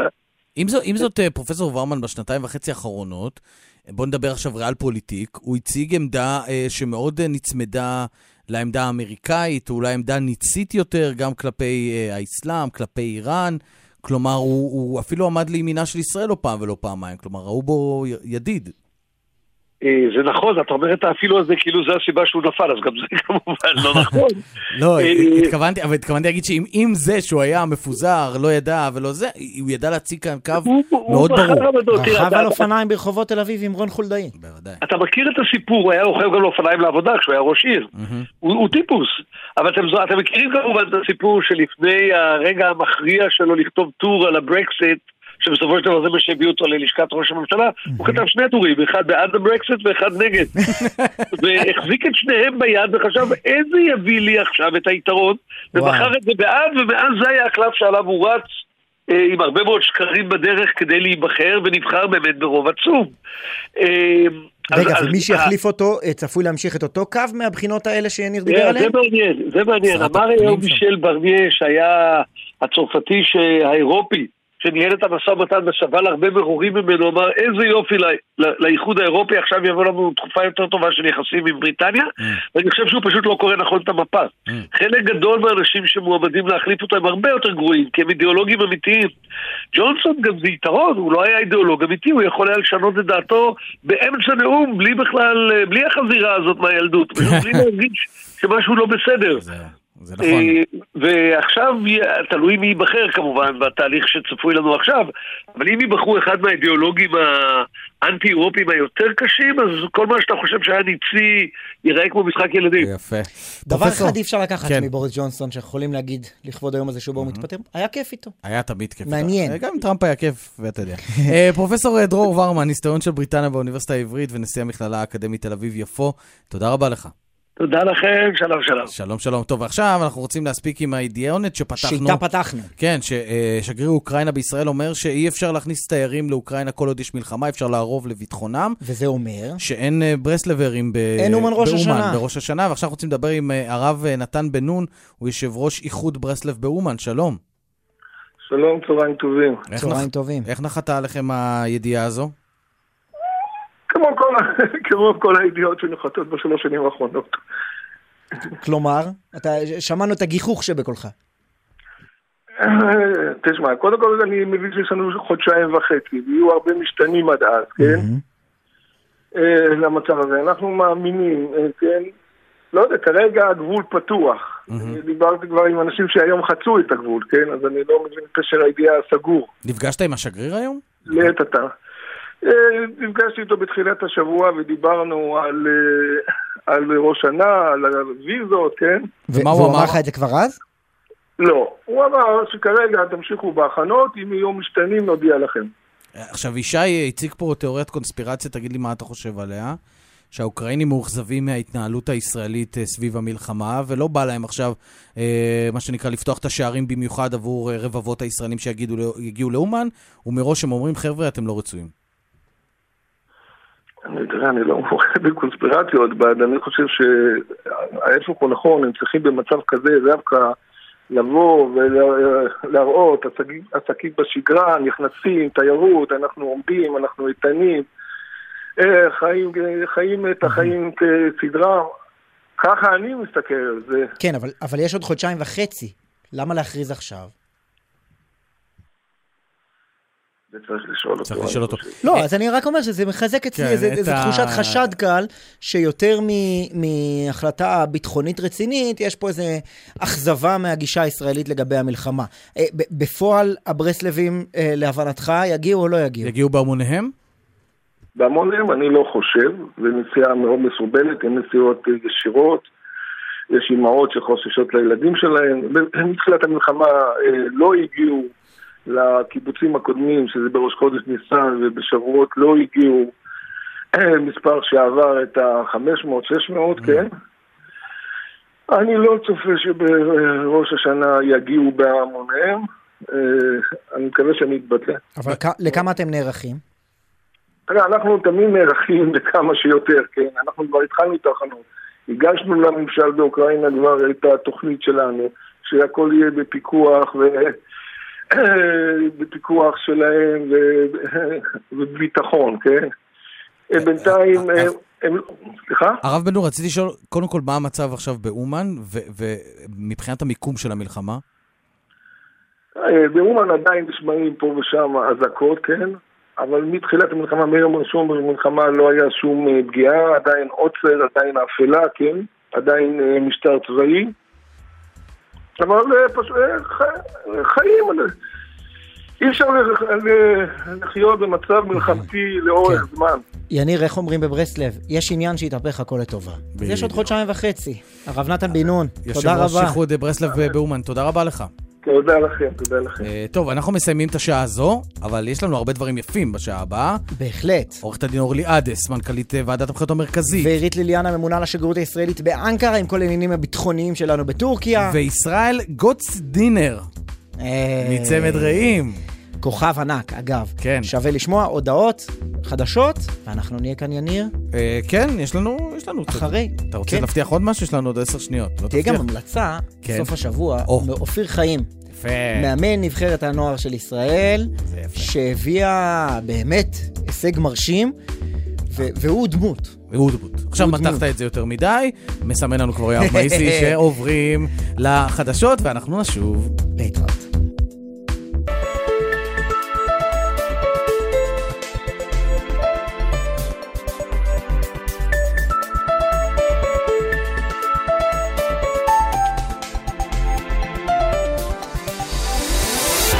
יומן סיכום השבוע עם ישי שנרב ויניר קוזין.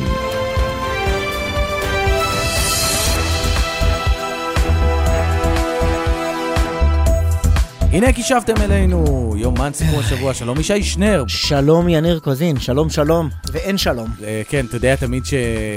כשחבר הכנסת מוסי רז, אומרים לו שלום, תגיד לי נגיד שלום. שלום זה אנחנו. שלום זה אנחנו. אז אני תמיד אוהב את זה, אז אומרים, כן. ואגב, תחום שלם של סיקור ושל אה, טריוויה, אה, תשובות של פוליטיקאים לשאלות אה, אה, קבועות. נכון. יש את אה, אביגדור ליברמן, שואלים אותו מה נשמע. הכל גן עדן. גן נכון. עדן. אגב, יש- את יהודה גליק. נו. בוקר של הארת פנים. בוקר של הארת פנים, כן, נכון. יש אה, ז'אנר של? אנשים בכלל ופוליטיקאים בפרט, שמאמצים... אה, Catch phrase. כן, כן, מאמצים, הולכים עם... אה, אני, אני חושב שיש עוד, אני צריך להיזכר. כן? כן, ואגב פוליטיקאים, נו. אה, רציתי לשאול אותך, מה קורה בעולמו של אה, גדי איזנקוט, שמבטיחים לנו אותו כבר תקופה ארוכה כשם החם הבא. ביצת הזהב. רציתי להגיד תפוח האדמה הלוהט, אבל זה יכול להישמע פוגעני באיזה שהם אופנים. יופי. אה, ביצת אה, הזהב. בדיוק. אה, אה, אבל... ומה, הוא עושה שופינג? כן, הוא, מה זה עושה שופינג? כולם רוצים לדבר איתו. מרב מיכאלי דיברה איתו, אני מתאר לעצמי שגם בני גנץ מדבר איתו, או דיבר איתו. אה, דיווחו לפיד- שיאיר לפיד הבטיח לו שריון מקום שני. נכון, יאיר לפיד הבטיח לו גם שריון. עכשיו, הש... זה, זה תמיד מפתיע אותי, הרי גדי איזנקוט אדם מאוד ראוי, אין ספק, היה אה, רמטכ"ל. מפקדנו. אבל התפיסה הזאת שיגיע האיש הזה וישנה פה את הכל, הוא, רק הוא צריך אותו, עוד ביצת הזהב, או כל מהדברים האלה שאמרת, אני משתגע איך לא השתחררנו מזה אחרי כבר חמש מערכות בחירות. נכון, יש את איך מקרה... לא בן- השתחררנו מהקטע הזה של הביטחוניסטים בפוליטיקה אחרי 30 מערכות בחירות? ואתה יודע, זה, זה לא יתפוס. הרי אם, אם גדי איזנקוט לא יהיה בממשלה, יכול להיות שאני טועה, מה הוא יעשה? הוא יישב בוועדת עבודה והרווחה? יישב בוועדת חוקה? זה אה, מה שהפריע לגבי אשכנזי, אם אני מבין נכון. מה שהפריע לטל רוסו? מה שהפריע לגבי אשכנזי? האנשים האלה רגילים, ובצדק, אגב, להיות גם- גם- בצומתי גם- קבלת החלטות דרמטיים. גם לשבת- ליעלון. אגב, גם לבוגי יעלון. נכון, אבל יעלון, אני אגיד לך משהו ש, שאני חייב לומר לזכותו של בוגי יעלון מהמם. בסיפור הזה. הוא בסוף, אה, אה, התכנות פוליטית לא הייתה לפרויקט שלו.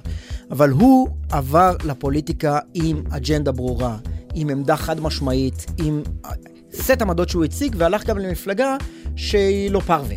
נקרא לזה ככה. כן. אנחנו חוזים בשנים האחרונות בתופעה של הרמטכ"לים שלנו, בזה אחר זה באים ועושים שופינג. שופינג אידיאולוגי, לא רק שופינג של מקומות. אני לא יודע אם זה שופינג הם אידיאולוגי. בודקים מי יציע להם את המקום הוא הכי לא- ריאלי, הוא לא הולך לליכוד. הוא לא הולך לליכוד, הוא הולך למפלגות מרכז-שמאלה. אבל אתה יודע להגיד בוודאות שעמדותיו של גדי איזנקוט לא מתאימות לליכוד? לא, אני לא אתה יודע להגיד משהו על עמדותיו של האיש הזה? לא, כי הוא לא- לא ידעת מתבטא- להגיד אגב, הוא משהו לא על בני. גנץ עד שהוא- הגיע, וגם אז הוא לא פתח את הפה כזכור במשך תקופה רגע, ארוכה. אבל על יעלון אתה יודע שהוא עזב בגלל ההתנתקות, אבל לא יכולת לדעת בדיוק לאן הוא הולך. זאת אומרת, הליכוד היה המקום אבל- הטבעי לו. אבל אבל זה- תראה איך הוא גמר גם עכשיו. זה נכון, ואפשר גם לעשות, אתה יודע, את המירי רגב, מה שנקרא. נכון. אבל המעבר מהצבא לפוליטיקה, או מהצבא לצינון ואז לפוליטיקה, צריך להיות, אני מבין שכאנשי צבא, הם לא, אגב, יאיר גולן, שהיה סגן רמטכ"ל, כן. דיברו עליו כאיש הכי ימני במטכ"ל. יכול להיות שזה היה נכון. פשוט כל- השאר היו יותר? שמאלה ממנו. איפה הם היו? אבל איכשהו נדמה לי שהיכולת שלנו להעריך את עמדותיהם של אנשי צבא אה, אה, נמוכה. וכל פעם מחדש אתה רואה את האנשים האלה מגיעים, ואני אומר לזה לגנותם, עורכים שופינג בין מפלגות שהקו האידיאולוגי שלהם לא דומה. לא דומה לשבת אצל יאיר לפיד, ולשבת בתקווה חדשה, ולשבת בימינה, כן. אה, מפלגות שונות, עם, עם מצע אחר, עם רעיונות אחרים. ואם זה היה רק השופינג הפוליטי, הייתי אומר מילא. השופינג האידיאולוגי, העובדה שהאנשים האלה נחשבים לסחורה חמה, בלי בכלל שהם אומרים לציבור מה היא, מה הם מציעים לעשות, חרפן טוב. זה הקונספציה, אגב, זאת ממש קונספציה שכאילו הציבור הישראלי עדיין רוצה רק גנרלים כל הזמן בפוליטיקה.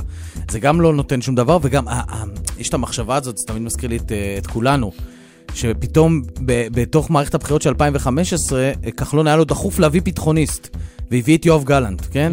שיהיה לו ביטחוניסט. אה, אה, סליחה, לא כל מפלגה חייבת ביטחוניסט. הרי אגב, ממשלה... מעברים חדים בין מפלגות. כן, ו- ורגע, לא, אני רק רוצה להגיד, ממשלה לא מקימה מפלגה אחת. אתה לא חייב לשמור את תיק הביטחון אצלך, אתה יכול לתת אותה למפלגה אחרת. למה חייב, חייבת כל מפלגה ביטחוניסט? לא חייבת, יש מפלגה שהיא, אה, לא יודע מה, אה, יש לה ערכי אה, דמוקרטיה, ליברליות, הכל בסדר. היא חייבת ביטחוני, זה, כאילו שמעתי חובה. הסבר מאוד מעניין של פרופסור קמיל פוקס, הסוקר של ערוץ 13, מהמם. שאמר אצל נדב פרי, שהרבה אנשים, כשאתה עושה סקר, אתה שואל את המצביעים, מה חשוב לכם? כן. הם מדברים על יוקר המחיה, הם מדברים על התחבורה, הם מדברים על נושאים, נושאי היום-יום. אבל כשאת, כשהם מגיעים לקלפי, אתה רואה שהנושא ביטחון. האחד והיחיד הראשון במעלה במדינת ישראל שמשפיע על מצביעים, זה העניין הביטחוני. ואני חושב שהאקסיומה הזאת מהלכת קסם על הפוליטיקאים, כן. ראשי המפלגות ויועציהם האסטרטגיים, שאומרים, אנחנו חייבים דמות ביטחוניסטית בולטת באח- באחד המיקומים אה, למעלה. אבל הנה, מיותר ולדעתי לא עושה היה את לך העבודה. עכשיו ראש ממשלה שהוא יותר סטארט-אפיסט מאשר לוחם בדימוס. נכון. ויש לך עכשיו ראש ממשלת מעבר, שלא היה לוחם. איש טלוויזיה. נכון. אה, כמו. נראה- כן, חזרנו לרגל. לשנות ה-80. טוב, אז עזוב את ארצות הברית, הבה ונטוס לנו לטורקיה, ובקרוב אה, תוכל... נטוס את זה גם בחברות ישראליות. בדיוק, לא תח- תהיה חייב לנסוע לטוס עם טורקיש, וב- ולשם כך, אנחנו רוצים עכשיו לומר שלום לעירית ליליאן, היא הממונה על השגרירות הישראלית באנקרה, שלום. שלום, ערב טוב לכם. שלמעשה הממונה על השגרירות מתפקדת די כמו השגרירה בשלב הזה, כי אין שגריר. למה זה לא רשמי, אגב? כי עדיין לא הייתה הכרזה על אה, החזרת השגרירים, ואני ממונה על היחסים. אני ה... איך אפשר לקרוא לזה? יש מי שאמר לי פעם השמרטף, עד שיוחלט מי השגריר הקבוע. רגע, אבל מי, מי לא, לא. מעכב את זה? אנחנו הטורקים? לא, לא, אין, אני לא חושבת שיש צד אחד שמעכב את זה. יש החלטה של שני הצדדים שהתעצבה בשיחות בין שני שרי החוץ, בשיחות המקדימות גם לפני ביקור הרצוג, שצריך פשוט לעבור עכשיו כברת דרך של חיזוק הנדבכים ביחסים בין המדינות, לנסות ולחזק את היסודות בצורה כזו שמשברים עתידיים לא ינערו אותם עד רמת... אה, בקיצור, אנחנו, אנחנו וטורקיה החלטנו לחזור לאקסיט, מה שנקרא, אבל לחזור לאקסיט, לאקסיט באופן מבוקר. מפוקח. שלא ניפגע יותר מדי. אמ, אני לא חושבת שזה עניין של חזרה לאקסיט, אני חושבת שזה פתרון של משבר בחיי הנישואים. אה, יפה. אגב, יפה, דיפלומטי לאלה. רגע, ובמסגרת חיי הנישואים בכל זאת האלה, מדובר בממונה על השגרירות. הטורקים הולכים להפסיד כסף, כי היום אה, הוד- הוד- הודיעו שחברות תעופה ישראליות יוכלו לטוס אה, לטורקיה, ולא רק טורקיה שתעשה את הקו הזה. אגב, ממתי הקו הזה הוא בלעדי לטורקים? אה, הקו הזה, בעצם החברות הישראליות עזבו אותו ב-2007. ומה שעשינו היום, החתימה בראשי תיבות על אה, הסכם התעופה החדש, אגב, שהוא הסכם תעופה שמחליף הסכם מ-1951. הוא מבחינתנו שלב חשוב בדרך לסיכום המשא ומתן על חזרת החברות הישראליות, אבל צריך אה, לסייג ולומר שנותרו עוד קצוות אה, ביטחוניים שיש לסגור אותם. ואם אתה מדבר על הרווח של טורקיש איירליינס, א', הם חברה רווחית ומצליחה, אבל אה, אנחנו חושבים שנפח התיירות הפוטנציאלי, ואני מזכירה, עדיין יש אזהרת מסע לטורקיה, אבל רווח התיירות הפוטנציאלי הוא כזה שיהיה מספיק מקום ומרחב לכולם. כן, אה, זהו, הם מרוויחים, בוא נגיד שזו אחת החברות העסוקות בעולם. הזכרת את אזהרת המסע, אבל זו לא אזהרת המסע מספר 4, החמורה ביותר, ירדנו ל-3. נכון. וזה מחזיר את הישראלים עכשיו לטורקיה בהמוניהם, או שעדיין יש אה, חששות ולא רואים את המספרים הרגילים לעונה הזו? אה, קשה לדבר על המספרים הרגילים. נכון, כי אנחנו גם קורונה וגם אה. משבר, נכון. נכון, נכון. אז קשה לדעת. בשנת השיא, אנחנו זוכרים, שנת השיא בקשרי התיירות הייתה 2008, אז היו בערך אה, כמעט 600 אלף ישראלים שנסעו באותה שנה לטורקיה. אנחנו לא מדברים עדיין על אותם סדרי גודל, אבל העלייה היא מאוד יפה, מאוד משמעותית, ואכן אה, הדברים עלו גם במפגש שרי החוץ, בהצהרות המשותפות שנשמעו ממש אך לאחרונה בעת ביקור השר אה, לפיד, שהיום הוא ראש הממשלה באנקרה, ולפני כן אה, בביקור שר החוץ הטורקי בארץ. כן, אה, זהו, אז עכשיו כשאנחנו בסיטואציה כזאת, באיזשהו מצב, שכמו שאמרת, איך אמרת, זה פתרון... ל- משבר בחיי ב- הנישואים. משבר בחיי הנישואים. אנחנו יודעים להגיד מתי אה, נחזור ליחסים מלאים עם הטורקים, כשיהיה שגריר יחזור לתל אביב?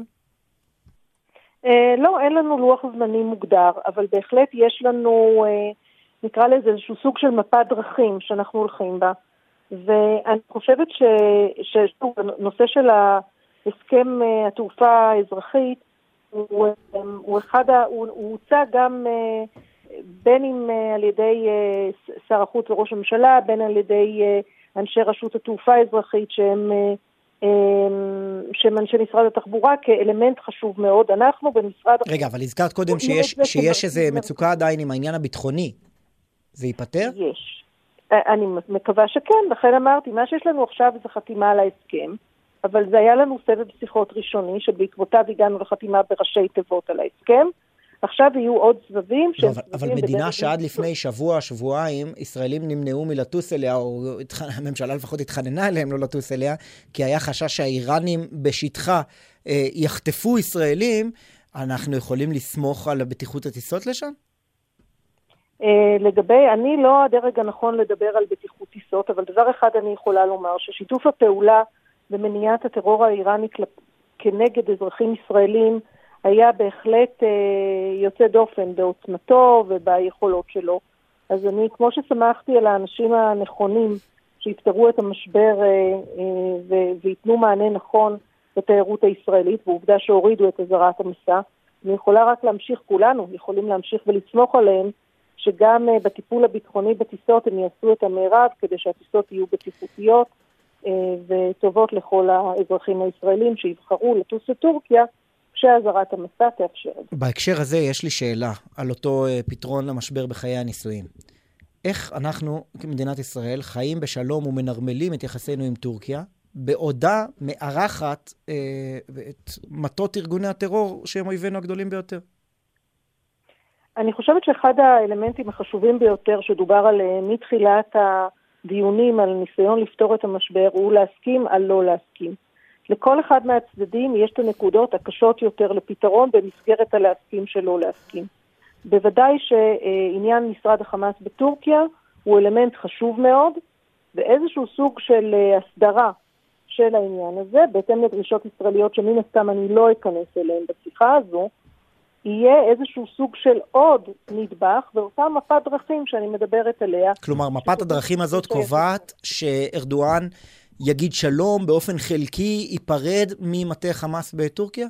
זאת כמו שאמרתי, אני לא נכנסת לפרטים של מפת הדרכים, או בוודאי ובוודאי לא למה יאמר או לא יאמר נשיא טורקיה בנושא הזה. אוקיי. אני רק אומרת שיש אי אלו נושאים שהם נושאי ליבה, ואגב, בשני הצדדים יש נושאי ליבה שצריך איכשהו להתייחס אליהם במסגרת אותו תהליך של הסדרת היחסים, וכמובן וכמובן שנושא החמאס הוא נושא חשוב למדינת ישראל. אני רוצה לשאול אותך עוד אה, שאלה, אירית ליליאן, לגבי, אנחנו יודעים ששר החוץ, יאיר לפיד, ביקר באנקרה, נפגש עם שר החוץ, אה, אולי תדעי להגיד לי את זה כמו שצריך, מבלוט שבושלו, אני אומר נכון? מבלוט צ'בושורלו. שר החוץ של טורקיה. יפה, מבלוט שבושלו. נשבע שחשבתי שיניר צוחק עליי. לא, לא, מבלוט שבושלו, אני... הופתעתי מחוסר הנימוס הלא אופייני, מתברר שהיה פה נימוס לעילה ולעילה. יפה. אז, אז אנחנו יודעים שהוא נפגש איתו באנקרה, אנחנו יודעים כמובן שהנשיא היה בארמון של ארדואן. אתם אה, מצפים לפגישה בין ראש הממשלה לפיד לנשיא ארדואן בקרוב? אה, אין לנו אה, כרגע שום תוכניות קונקרטיות לביקורים עתידיים של שרים ו/או ראשי ממשלה של מדינה אחד אצל השני, אבל כאמור אנחנו עובדים על מערכת שלמה של אה, שיפור ואיך אני אקרא לזה, התחדשות היחסים, אה, ואני מאמינה, רוצה לקוות... אולי אפילו יהיה חיבוק, כמו למצב- עם מקרון. אני מאוד, אני מאוד מקווה שנגיע למצב שבו באמת אה, ראשי המדינה יוכלו לבוא, לבקר זה אצל זה, מבלי שהדבר אה, ייראה אפילו כסיבה מיוחדת אה, לחדשות, אלא שזה יהיה עניין פעם? שבשגרה. נאחל, אני יודע, כאן אומרים אינשאללה. נאחל שנים של זוגיות מוצלחת ושתזכי להביאם לתורה, לחופה ולמעשים טובים. כשגרירת ישראל באנקרה. אירית ליליאן, הממונה, שמרטפית השגרירות הישראלית כן, באנקרה. הבייביסיטר של השגרירות. תודה רבה. תודה רבה. על לא דבר, שלום שלום. טוב. שלום. טוב, רגע, דיברנו על אה, גנרלים, ומזכיר אחד המאזינים מבקש להזכיר את מתן וילנאי, שניהל שיח פתוח וגלוי עם הליכוד במקביל עם העבודה. כלומר, היה יכול בקלות ללכת לימין והחליט ללכת בסוף לעבודה. הסיפור על מירי, על מירי רגב, שהיא מכחישה את הסיפור, זה הוא אותו דבר, נכון. שהתייעצה עם דניאל בן סימון לפני כן. כן, אגב, דניאל- דניאל. בן סימון נשבע בנקיטת חפץ שאכן כך זה היה, מולי, ודיברתי איתו כמה פעמים. אגב, מתן וילנאי בסוף סיים כשגריר ב... בסין. בסין, אפרופו. אה, ואנחנו יודעים איך נגמרה הממשלה הזאת, כאשר כן. לא מימשו אה, ועוד קונסול אה, בשנגחאי. אה, מאזין בטוויטר כן. מזכיר לנו לגבי אה, פוליטיקאים שיש להם ככה catch phrase, מהמם. שאת רובי ריבלין שהיה אומר, שלום לכם, בוקר טוב מירושלים. ירושלים, נכון, יפה. כמובן. שאנחנו יודעים שברגע. שמישהו מזכיר שהוא מירושלים, זה סימן שהוא מי היה? נשיא אתה לא. רוצה להגיד מי האיש עם הקצ'פר? ניתן קרדיט, בוודאי ניתן כן, קרדיט. אם כבר השקיע, האיש רגע וכתב. אחד, כן. אה, נתינת הקרדיט תיקח אה, כ- אוקיי, אז- כמה גלילות, אז כן, תוך אז- כדי שידור. נאלץ לוותר על הקרדיט, אני חשבתי שיש לך אותו. מיד, מיד. אגב, אשראי, כפי שהיה אומר אה, כן. לוי אשכול. אבישי אה, ציוני, אבישי ציון. מאזיננו אני- האדוק. אני מאוד מודה לך. טוב, עכשיו אה, אנחנו רוצים לעבור מאישה חזקה או משמרטפית אחת לשמרטפית אחרת. אה, ולצערה, מה שנקרא, מז- מזניקים אותה לא פעם ולא פעמיים בשנים האחרונות. עורכת הדין אורלי עדס, מנכ"לית ועדת הבחירות המרכזית, שלום. ערב טוב. טוב. ערב טוב. ערב טוב. אה, אנחנו מיד נדבר על אורך מערכת הבחירות. יש כאן מישהו שמאוד אה, רוצה לדעת למה היא צריכה להיות כל כך ארוכה. אבל לפני כן, אני רוצה לשאול אותך, באיזה מצב אתם נמצאים עכשיו? כלומר, ספרי לנו מה קורה עכשיו בוועדת הבחירות המרכזית. אולי זו ההזדמנות אה, לספר, להשמיע למאזינים בעצם אה, מה ועדת הבחירות עושה מאפס. אם אה, מסתכלים על גופים אחרים שמבצעים את הפעילות שלהם ויש מערכים קיימים, בין אם זה של כוח אדם, בין אם זה של משרדים, של מטות, ועדת הבחירות מקבלת דף חלק, אין שום דבר. וזה לא משנה אם הבחירות היו לפני שלושה חודשים, לפני חצי שנה או לפני שנה. זה בדיוק אותו המצב בכל, סיטואר... בכל אה, פרק זמן שקורות בחירות. ולכן כרגע אנחנו בשלב הקמה של 19 ועדות בחירות אזוריות. המשמעות היא לאתר מבנים למטות האלה, להתקין תשתיות תקשורת, מחשבים, אה, ציוד, לגייס עובדים למקומות הללו. אנחנו צריכים לגייס קרוב ל-1,100 עובדים. אה, כאשר כל אה, מעסיק היום במשק יודע שגיוס עובדים אה, בימים הללו הוא לא עניין אה, פשוט. יש לנו בהמשך כמה- אייטם על אה, התפטרויות בהייטק, אז אולי אפשר לעשות פה איזה שידוך. הצרחה. יכול להיות, אם הם יבואו עם ניסיון ועם ידע כלשהו בבחירות, זה יהיה עוד יותר טוב. מה שזה עוד יותר נדיר. רגע, אבל את אומרת 1,100, כי אני מכיר שאת את מספרת בכל פעם שמ-30 עובדים בזמן נורמלי, אתם צריכים תוך כדי הבחירות לגייס 45,000. רגע, אנחנו עד ליום הבחירות. לגייס, למ... בדיוק, למטות, 1,100 עובדים זה לשלב הראשוני. עד ליום הבחירות, אנחנו נגיע אפילו, בפעם הקודמת הגענו נדמה לי ל-65,000 אנשים ביום הבחירות. תחשוב על המספרים העצומים, לגייס 65,000 איש, לקלוט אותם למערכת, להעביר אותם תהליך מיון מאוד מאוד קפדני, הכשרה, הדרכה, לימוד, מבחנים, רעיונות, ולשבץ אותם בפרק זמן כל כך קצר. ונכון להיום, אני חוזר לשאלתו של יניר, באיזה שלב אנחנו? אז בשלב הזה של ההקמות והגיוסים, אה, כאשר אני מקווה שתוך אה, שבוע עד עשרה ימים אנחנו כבר נתייצב, ואז נתחיל בעצם אה, להתחיל בביצוע פעולות שונות שנדרשות מכוח חוק הבחירות, כמו למשל בדיקת כל מקומות הקלפי ברחבי המדינה.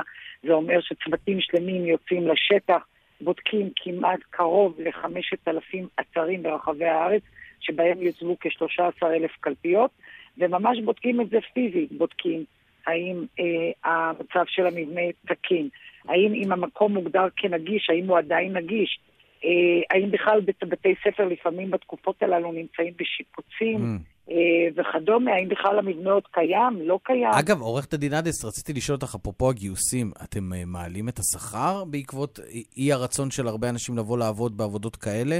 זאת אומרת, יכול להיות שהשכר יעלה כדי לגייס אנשים ביתר קלות? לצערי לא. השכר נותר בדיוק כפי שהיה, ואתם מכירים את השחיקה גם אה, הקיימת בשכר. אה, השכר לא יעלה, ואני אזכיר... את יודעת לומר לנו מהו? סליחה שאני שואל לגבי השתתפות של לא, אדם. לא, זה לא, זה לא עובד כך. כל, אה, בכל תפקיד זה שכר אחר, יש רמות שכר, תלוי מה התפקיד, תלוי איזה היקף משרה אתה עובד. זה, זה מאות מיליונים אבל, נכון? מער- עלות מערכת הבחירות למדינה. עלות אה, כל התקציב של ועדת הבחירות הוא אכן מאות מיליונים, אבל הוא לא כולל רק שכר. הוא. כולל את כל מה שנדרש בהיבטים ברור, אתם צריכים גם לקנות את. הפתקים, לקנות את הקלפי עצמו, לקנות את כל, ה... את כל הציוד. מחשוב, לוגיסטיקה, נכון? רכבים, עניינים, הכל. ובעניין של הציוד, יש כבר מחסנים אה, ארבע מערכות בחירות שעברנו, או שהכל נגמר וצריך לקנות חדש? יש לנו מרכז לוגיסטי שבו יש אה, חלק מהציוד שהספקנו בזמן שחלף אה, לרכוש. הייתה לנו כוונה אה, לעשות שיפור בחלק ממוצרי הבחירות, אה, ולכן עצרנו את זה כרגע באמצע ואנחנו נזמין. אה, אנחנו נצטייד כבר, וכמובן שהכל יגיע במועד. זה נכון, אורלי עדס, שאתם כבר הצטיידתם במעטפות חתומות עוד לפני שהכנסת התפזרה? מי גילה את הסוד? לא. אנחנו בדרך כלל... יש לי, יש לי את הקשרים שלי, עורכת הדין עדס. אנחנו בדרך כלל אה, מדפיסים את מעטפות ההצבעה הרבה זמן קודם, מכיוון שזה תהליך מאוד מורכב לייצר את מעטפות ההצבעה מבחינת ההיערכות, סוג נייר מאוד מיוחד, צבעים מיוחדים, צריך להזמין מחו"ל וכולי, וגם תהליך ההדפסה הוא מיוחד. אה, ואנחנו בדרך כלל עושים את זה הרבה זמן מראש. אבל מפאת העובדה כן. שיושב ראש הוועדה הנוכחי, השופט עמית, אה, צפוי להתמנות בעוד נדמה לי כחצי שנה או שבעה חודשים לנשיא בית המשפט העליון, לא ידענו מתי תהיה מערכת הבחירות. ומופיעה חתימת השופט על המעטפה, ולכן לא הדפסנו. אה, וממש שבועיים לפני, אה, אני החלטתי שאנחנו נוציא את המעטפות להדפסה, בגלל האווירה שהייתה לבחירות. אה, את לא מאמינה בעין הרע פוליטי? הדפסת שבועיים לפני והפלת את הממשלה, תראי מה זה. זה בדיוק מה שרציתי להגיד. אל תאשימו אותי. רגע, אבל, אבל תסבירי משהו, כי אני קראתי דיווח אצל אה, דפנה ליאל, כמדומני, שהיה ויכוח פוליטי, האם ל- ל- יום הבחירות יהיה 1 בנובמבר או 25 אה, אוקטובר. באוקטובר, ובסוף הוחלט על 1 בנובמבר, בין השאר כי אה, את באת וועדת הבחירות באה ואמרה, אנחנו חייבים את השבוע הזה, לא נספיק להיערך עד 25 באוקטובר. זה עד כדי כך? עד כדי שבוע? אה, אני חייבת קודם כל לומר שאני מעולם לא אמרתי את הדבר הזה. אה, אף אחד לא שאל אותי, אף אחד לא פנה אליי, ואילו היו פונים אליי לוודא את העניין הזה, אז היו שומעים שאנחנו לא אמרנו את זה. אנחנו אף פעם, מי שמכיר את ועדת הבחירות ואותי באופן אישי יודע, שאני מעולם לא אומר שוועדת הבחירות לא תהיה ערוכה. אחת כמה וכמה אחרי שעשינו ארבע מערכות בחירות בלוחות זמנים מטורפים של פער של מספר שבועות בין מערכת למערכת, וגם עם אתגרים מיוחדים, ועדיין תמיד אמרתי שאנחנו ערוכים ונערך בהתאם. אה, אז זה אחד, אני לא אמרתי שאנחנו לא ערוכים. בהמשך, זה היה בשלב הרבה יותר מאוחר, כאשר היינו בוועדת הכנסת, אה, אנחנו רק הסבנו תשומת לב לתאריכים מסוימים שהכנסת צריכה לתת את דעתה לפעולות מסוימות בתהליך הבחירות, שהכנסת צריכה לתת את דעתה עליהן, שנפלו בכל, בימי חג, בחול המועד וכולי. מעבר לזה לא אמרנו דבר ואמרנו שאנחנו נתכנס לכל תאריך. עכשיו, לגבי השאלה האם שבוע הוא קריטי, אחרי שהבהרתי שלא לפי בקשת ועדת הבחירות נקבע המועד, אז כל יום במערכת בחירות הוא קריטי. כן. כל לא, יום אבל, אבל, הוא קריטי. אבל את יודעת, אנחנו וכמה- בסיטואציה מטורפת. אני, אני מבין שאת צריכה לנהל את האופרציה הזאת ברמה הטכנית, ויש כל מיני דרישות של החוק, כמו שהזכרת קודם, לבדוק את כל הקלפיות, ולבדוק אחר כך את הרשימות ודברים שאורכים זמן. אבל אנחנו בחמש מערכות בחירות בארבע שנים. הכנסת אה, ה-19 התפזרה, למי שזוכר, בדצמבר 2018. מאז אם בודקים מבחינת זמנים, שליש מהזמן היינו במערכת בחירות, ויותר מחצי מהזמן נשלטנו בידי ממשלת מעבר. זה פשוט מטורף שעושים בחירות של שליש מהשנה, של 120 יום, 125 ימים של מערכת בחירות, ארבעה חודשים, כשאתה אומר, אין פה מבחינה פוליטית, אין מה לחדש. המצביעים יודעים על מה מתווכחים, מכירים את המועמדים, לא צריך לאפשר זמן להיערך. אין איזה אופציה לייצר במדינת ישראל בחירות בזק למשברים? אני מניחה שתהיה אופציה אם יהיה מספיק זמן לכנסת לחוקק ולחשוב על אה, קיצור אה, תהליכי הבחירות. אנחנו, זה לא מועדים שנקבעים על ידי ועדת הבחירות, זה לא מועדים שהם לפי בחירת הוועדה, כמה את צריכה, 100 ימים, 90, 80. יש חוק הבחירות, יש את דיני הבחירות. החוק אומר שמערכת הבחירות במדינת ישראל היא מינימום 90 ימים. מה הסיבה? כי הוא נוקב בפעולות שונות שעל ועדת הבחירות לבצע ועל המפלגות. ועל אגב, פעם זה היה 60 יום, שינו את זה. לא, אבל, היה, אבל... לא, לא, לא, לא, לא, אני אתקן אותך. זה היה פעם אחת 60 ימים, כשהייתה בחירה ישירה בלבד לראש ממשלה, כי זה אותו חוק ספציפי, קבע שזה יהיה ב-60 ימים. מצוין. אז אני אומר, אם המחוקק בא ואומר אה, את מה שאמרתי קודם, ואומר לך, אורלי עדס, תארגני למערכת בחירות בחודש, זה אפשרי? לא. אז אם תשתר לי להשלים, אז לא. במצב הנוכחי של החקיקה, של תהליך הבחירות כפי שהוא קבוע היום בדיני הבחירות, לא, אי אפשר לעשות את זה בפחות מ-90 ימים. אני שואל אם משנים לא את החוק. להיות. אם משנים את החוק, אם באים אלייך עם משימה, אם הכנסת- בחירות עוד חודש, זה דבר שיכול לקרות או לא יכול לקרות? לא, לא חודש, אבל אפשר יהיה אולי יותר קצת, אבל צריך יהיה לבחון את כל התהליכים. אני אתן לכם דוגמה, תמיד נותנים כדוגמה את אנגליה.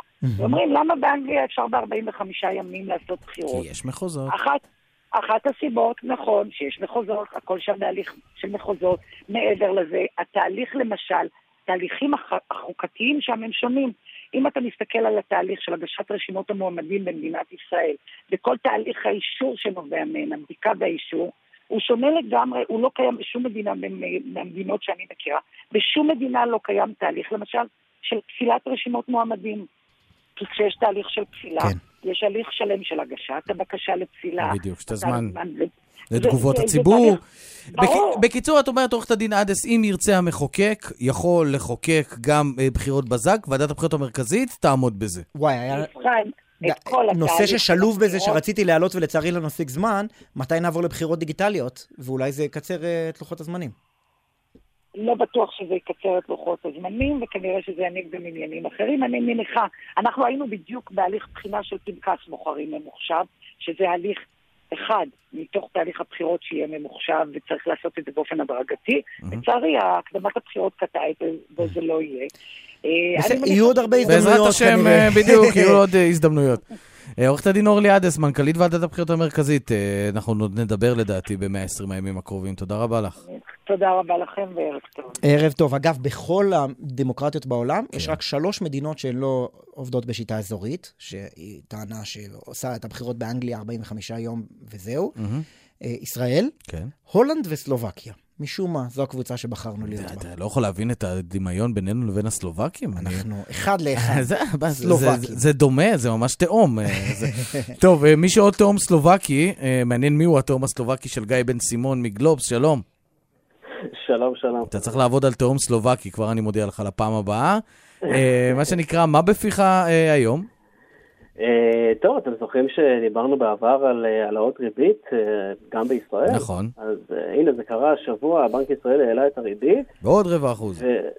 כן, כן, תשמע, זאת העלאה החדה ביותר מאז מרץ 2011, גם פה מפגינים נחישות להילחם באינפלציה, בדומה לארה"ב, אבל... והם אם גם חשב- עדכנו את היעד, נכון? הם אמרו שהריבית בסוף התהליך הזה תגיע ל-2.75? בדיוק, בדיוק, 2.75, רק באפריל הם צפו, היעד היה אחוז וחצי ועכשיו זה כבר קפץ, אז אה, רגע, מה, מה קורה פה? מה, מה השתנה כל כך מהר? אז התחזיות של בנק ישראל, זאת אומרת, המודל שממנו בנק ישראל גוזר את התחזית לריבית הוא בעצם קשור לאינפלציה.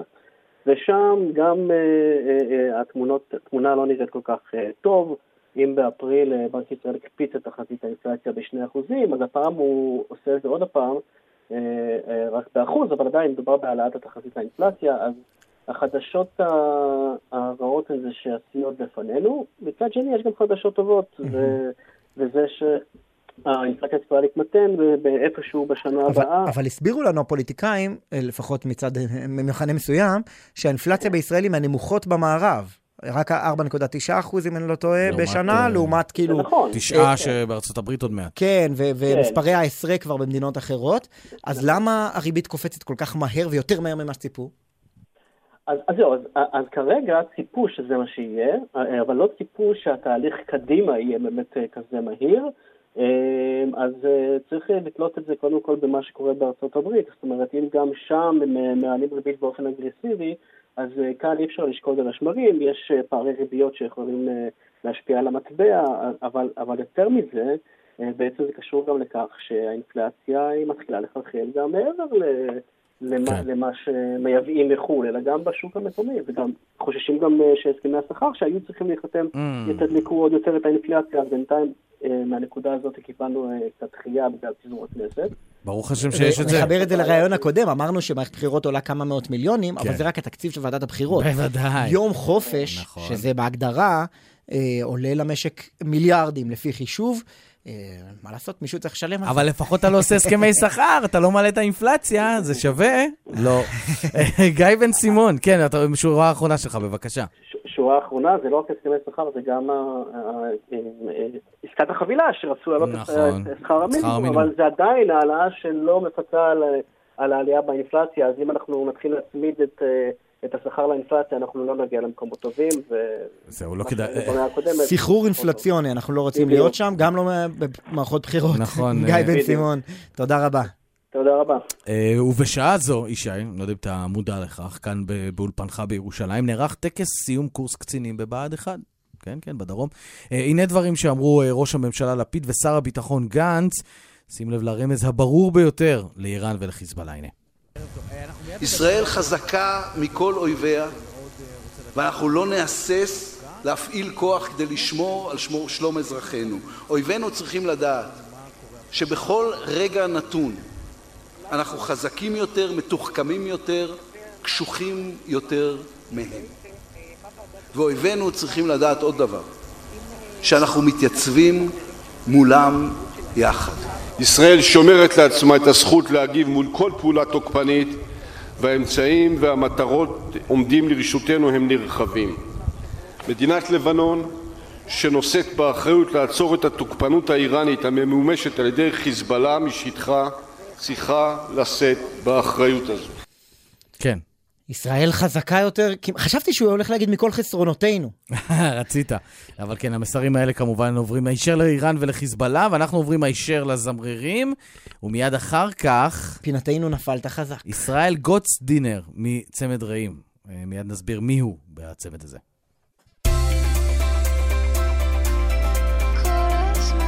גלי צה"ל, יותר מ-70 שנות שידור ציבורי.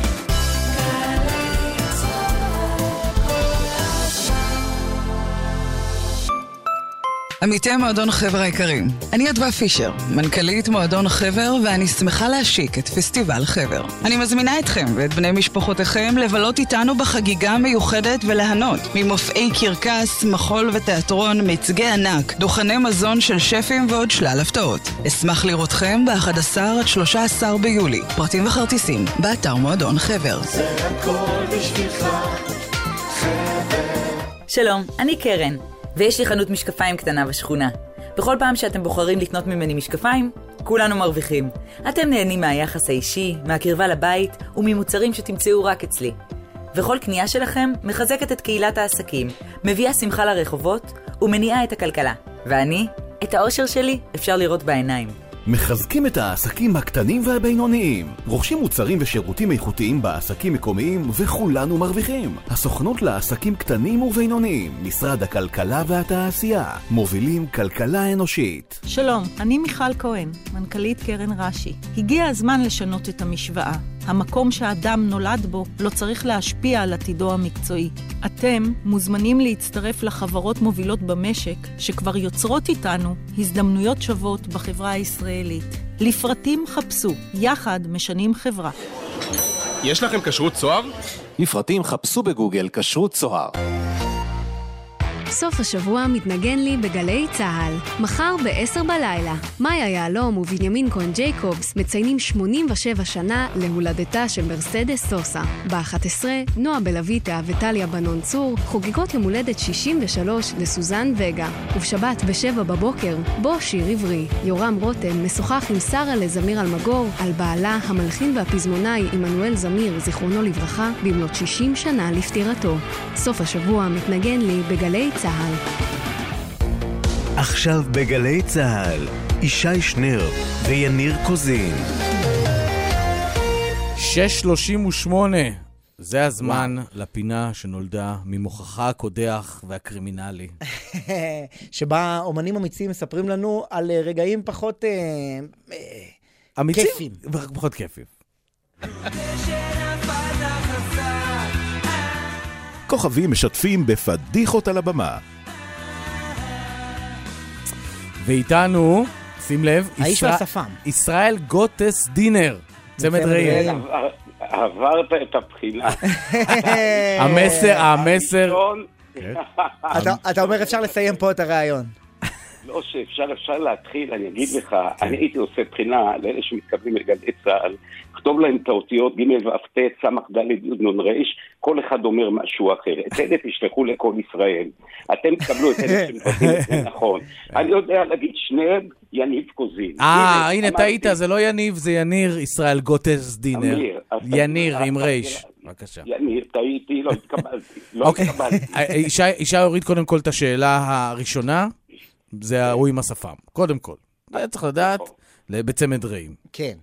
זה יפה. כי, כי זה מאוד הטריד את יניר, מי אתה מצמד? אה, אה, לא, זה לא... אל תתחיל, אמרתי שאנחנו צריכים... איזה, אתה ימני או השמאלי? אמרתי שצריך להבהיר את הדבר. קודם כל שאלת יפה, אף תמיד, ואין מצב אחר, שכתף שמאל של בני נושקת לכתף ימין שלי, אם תביא לי תמונה הפוכה, אתה מקבל מה שאתה רוצה. עמדתם תמיד, גם ב... כל פעם שאתם מצולמים, עמדתם באותה עמדה בדיוק? תמיד אותו דבר. כי לא הוא רק פורט זה, עם יד לא שמאל ואתה פורט עם יד ימין. אני לא פורט בכלל, כי אנחנו לא מבינים גיטר, אנחנו לא הפרברים. אתה טעית. לא נכון. אתה טועה. אני לא- רגע. טועה זה שתיים אחד. זה בדיוק, רגע, זה בדיוק מביא אותנו ל- לסיפור, כי הרבה פעמים התבלבלו. אה, הצמד בכל זאת, הפרברים, הדודאים. אה, התרנגולים, יש הרבה, אה, הרבה אפשרויות. נכון, התרנגולים זה לא צמד, שלוש אחד אליי. כן. איך תרנגולים, בחייך. נו. כן, בבקשה, ישראל. בנ- בנעוריי הרצתי את הדודאים, בני אמדורסקי ישראל וישראל גוריון. גוריון. לימים, לימים, שנות 70-80, גם צמד רעים הפך לפלפס, תוכנית שבועית ביום שישי, שלום לבוא שבת, ערוץ אחד, שחור לבן, פתחת, ראית 100% רייטינג, 200% רייטינג, מוצאי שבתות, ורצה הגורל, בצמד הדודאים, בצמד רעים, למצוא באותו משרד האמרגנות. ואפילו היינו קצת יותר מבוקשים. הייתה תקופה כזאת. הפרוצדורה הייתה נורא פשוטה. ציפי מהמשרד מתקשרת אליי ואומרת, ישראל שבוע הבא, יום שלישי, בית יד לבנים בחולון, שמונה וחצי, הופעה. שש balance, תגיעו עם הנגנים בזמן, תעשו balance, הגענו, עשינו. רבע שעה לפני שמתחילה ההופעה, ניגש האחראי לחדר, נכנס, ערב טוב, רואה את הפרצוף שלי, עם השפה. את הפרצוף של בני ופניו נפלו. שואל אותו, תגידי, יש איזושהי בעיה? אז הוא אומר לי, בעיה? אני לא יודע איך להגיד לכם את זה, כי האולם מלא. לא הזמנתי אתכם. הופה. אתה יכול להסביר לי, זאת אומרת, אוקיי, אתה רוצה שנעלה? לא, לא, לא. אה, חבר'ה, אתם תופיעו, אני רק אספר לכם. שהקהל בא להופעה לא אחרת. מה, מה, מה הזמנת? אתה מכיר את ציפי? אני מסתכל. אתה מספר לי מי זה ציפי? הוא אומר לי, אני כל שבועיים מדבר איתה על אומנים. התקשרתי לפני חודש לציפי והזמנתי את בני ואת ישראל. אהה. האם אמרת דודאים? לא. לכן שמות משפחה כל כך חשובים, יניב. אה, זה ישראל ובני לא. וישראל ובני. בדיוק. יפה. זה ישראל גוטס דינר, תחזור אחריי. גוטס דינר, אני אדע את זה עד סוף ובני ימיי. רוזנבאום, וישראל גוריון, ובני אמדורסקי. יפה, נכון, ובן יפה. אמרתי לו, תשמע טוב, עם הומור, הכי קל לעבור את החיים. תעלה לבמה ותגיד להם ככה קהל נכבד, ערב טוב. אני בטוח שזו פעם הראשונה שזה קורה לכם, שקניתם כרטיסים למופע אחד, ואתם מקבלים מופע אחר. ואני אספר לכם מה קרה. זו פשלה שלי, כך אומר אותו אחד שנראה פניו נפולות. אני התקשרתי למשרד המרגלות והגבלתי את בני ואת ישראל. אבל לא שמתי לב שלא אמרתי את המילה דודאים. הייתי צריך להגיד דודאים, כי גם יש שם עוד צמד לא פחות מפורסם, וקוראים להם צמד רעים. תוך כדי שהוא דיבר איתנו, כבר ישבנו על לפחות שלושה שירים של הדודאים. אה. שנים, ועוד שניים. אז היינו ערב. של שושנים, ערב של שושנים, וואו. אצא אני אל לא עשיר ולא בשום... הבוסתן. בעד שלום, אני לא עשיר ברדיו. בקיצור, הפאנץ' של הסיפור הזה, שלימים פגשתי את בני אמדורסקי ברחוב דיזינגוף, והוא עם עיניו המחייכות, מסתכל עליי ואומר לי, מבני לישראל, נדמה לי שאתם חייבים לנו חלטורה. אינני זוכר- אם החזרנו או לא, אבל עם השיפור- עם הסיפור נשארתי. עכשיו, ישראל. ישראל, ת- תן לנו איזה משהו מהלעיתים שלכם, גם, בכל- עם כל הכבוד. לצמד הדודאים. אני אגיד לך, יש לנו אה, שירים כמו למשל שכתבנו קרליבך, כל ששון וכל שמחה, כל חתן וכלכלה. אני רוצה רק לספר לכם שמה שסיפרתי לכם עכשיו, איך אומרים, אולי הראשונים ששומעים, אני עושה בתוכנית שלי, אני לא שר. צמד רעים ממשיך ושר ביום ראשון הקרוב, עשירי לחודש, יש לנו מופע בהרצליה בפארק, תבואו, כל המשפחות מגיעות, מתמוגגות. אני מספר על תחנות בחיי. קורה לי כל יום, בחור צעיר פוגש אותי ברחוב ושואל אותי, תגיד לי, כמה שנים אתם ביחד? לא מתכוונים לי ולאשתי. אני אומר לו, למעלה מ-50 שנה, למה אתה שואל? הוא אומר לי, תשמע טוב, אני עם אשתי עוד מעט, ואז הוא מקבל מבט מזוגג, כזה פוזל בעיניים, ארבע שנים. תסביר לי איך, איך. אני אומר לו, אח שלי, אתה קם בבוקר, אתה פותח את העיניים, מלחמה, עבודה, זוגיות, ילדים, אינסטלטור צריך לבוא. אני מתעכב על כמה תחנות בחיי. אגב, תחנות תחנה- בחייך והתחדשות, בחיי. אתה ידעת, יניר, שישראל גוטסדינר פעם בעשר שנים עושה טקס גזיזת השפם? יפה. די. יפה אמרת. זה זה מה שנקרא טקס הגז, יש שיגידו. נכון, ומאיפה מגיעה התובנה הזאת? אני כבר בתחילת הדרך. לא- לא מאמיר פרץ, אני מניח. לא, מקווה לא, שלא- לא, זה- פרץ, זה לא התמריץ, כן. מה פתאום? אני כבר מתחילת הדרך הבנתי, כדי לשמר על זוגיות, טוב שלכל אחד יש חברה נפרדת. החברה שאני התחלתי איתו, מהפסטיבל החסידי הראשון, שיגאל בשן שר את עושה שלום, נלי פאר הנחה, טוביה צפיר, יהודה ברקן, יגאל שילון, שבזכותו חלק גדול מחיינו מתועדים. הבנתי שחשוב שתהיה חברה נפרדת, ומה חיבר אותי אליהם? אה, לאכול במסעדות שהם אכלו, לא תמיד יכולתי לאכול. שבתות שנסעו לטיולים, לא. הומור. וזה התחיל שאני בגיל 30, והכל מתועד במופע. מורידים, שואל אותי יגאל בשן ומיני פאר, אכפת לך שנוריד לך את השפם? אנחנו כל כך מתגעגעים לתקופה שלפני השפם היית כזה בחור יפה. אמרתי, יאללה, תורידו, רק תביאו לי סיבה לצחוק. 30, 40, 50, 60, 70.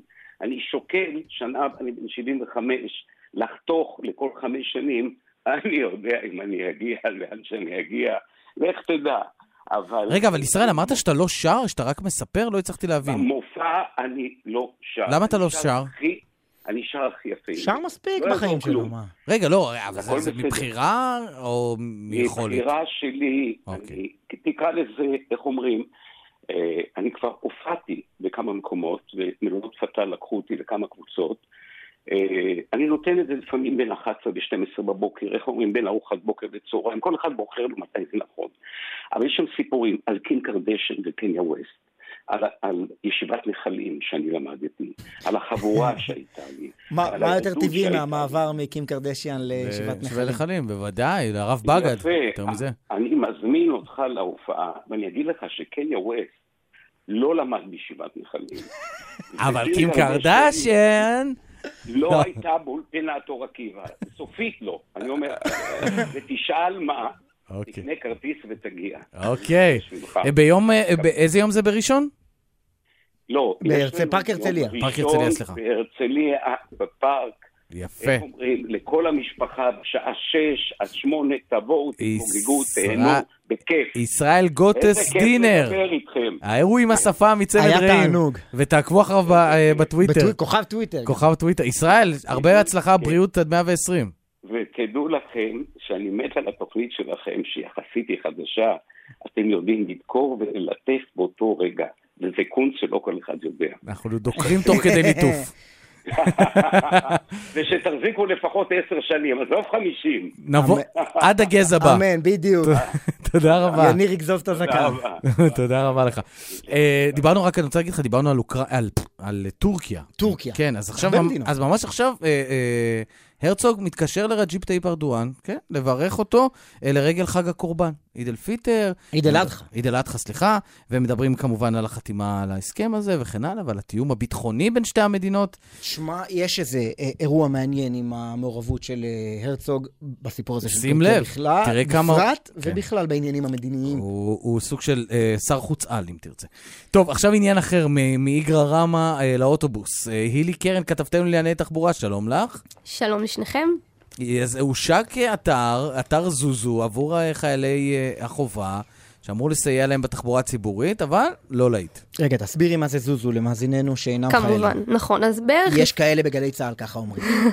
אז באמת לפני משהו כמו חודש, אתר צה"ל השיק אתר תשלום לחיילים לתחבורה הציבורית, הבעיה הוא שהוא לא, שהאתר לא עובד. האתר בעצם היה אמור להחליף... רגע, נגמרו הימים של להציג חוגר? נגמרו הימים של להציג חוגר, בדיוק עד עכשיו החיילים, כשהם היו מגיעים לרכבת או לאוטובוס, הם פשוט היו מתקפים את החוגר, וככה הם לא היו צריכים לשלם עבור תחבורה ציבורית, אבל צה"ל החליט להשיק רפורמה לפני כחודש, ובמסגרתה אנחנו, החיילים השאירו את החוגר, לא השתמשו בו, ובעצם יצטרכו לפתוח בטלפון שלהם, בטלפון הסלולרי, יישומון שקוראים לו זוזו, יישומון שהוא לא מורידים אותו בחנויות האפליקציות, אלא הוא אתר אינטרנט, שזה כמובן מלווה בהמון המון תקלות טכניות. Mm-hmm. מאז שצה"ל עבר מהחוגר לאפליקציית זוזו, החיילים לא מצליחים להגיע, לא מצליחים לשלם באוטובוס, ברכבות, האתר לא נפתח רוב שעות היום. אנחנו מדברים כמובן, זה מסתמך על אינטרנט, על סוללה של,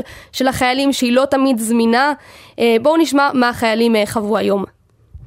ניסיתי לפנות לגורמים, לא, אף אחד, אין עם מי לדבר, הלכתי לרכבת, הייתי צריכה להתפלח עם עוד מישהו, אין לי כסף לשלם על זה. אתר של הזוזו זה אפילו לא אפליקציה, זה אתר שנתקע כל הזמן, הרבה פעמים לא עובד, יש בו המון תקלות. היום בבוקר נסעתי ברכבת בירושלים, איחרתי אותה בגלל שהזוזו לא עבד. כמעט קיבלתי דוח לפני שלושה ימים כשנסעתי לבסיס ולא הצלחתי לסרוק ואז התעצבנו עליי.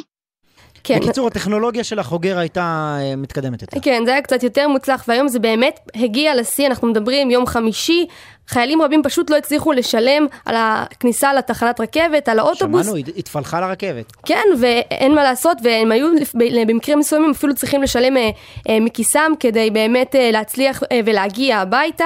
מה אבל... אומרים בצה"ל? בצה"ל, יש, דובר צה"ל שלח לנו תגובה, הם אמרו שהתקלות האלה נבדקות ומטופלות על ידי הגורמים הרלוונטיים.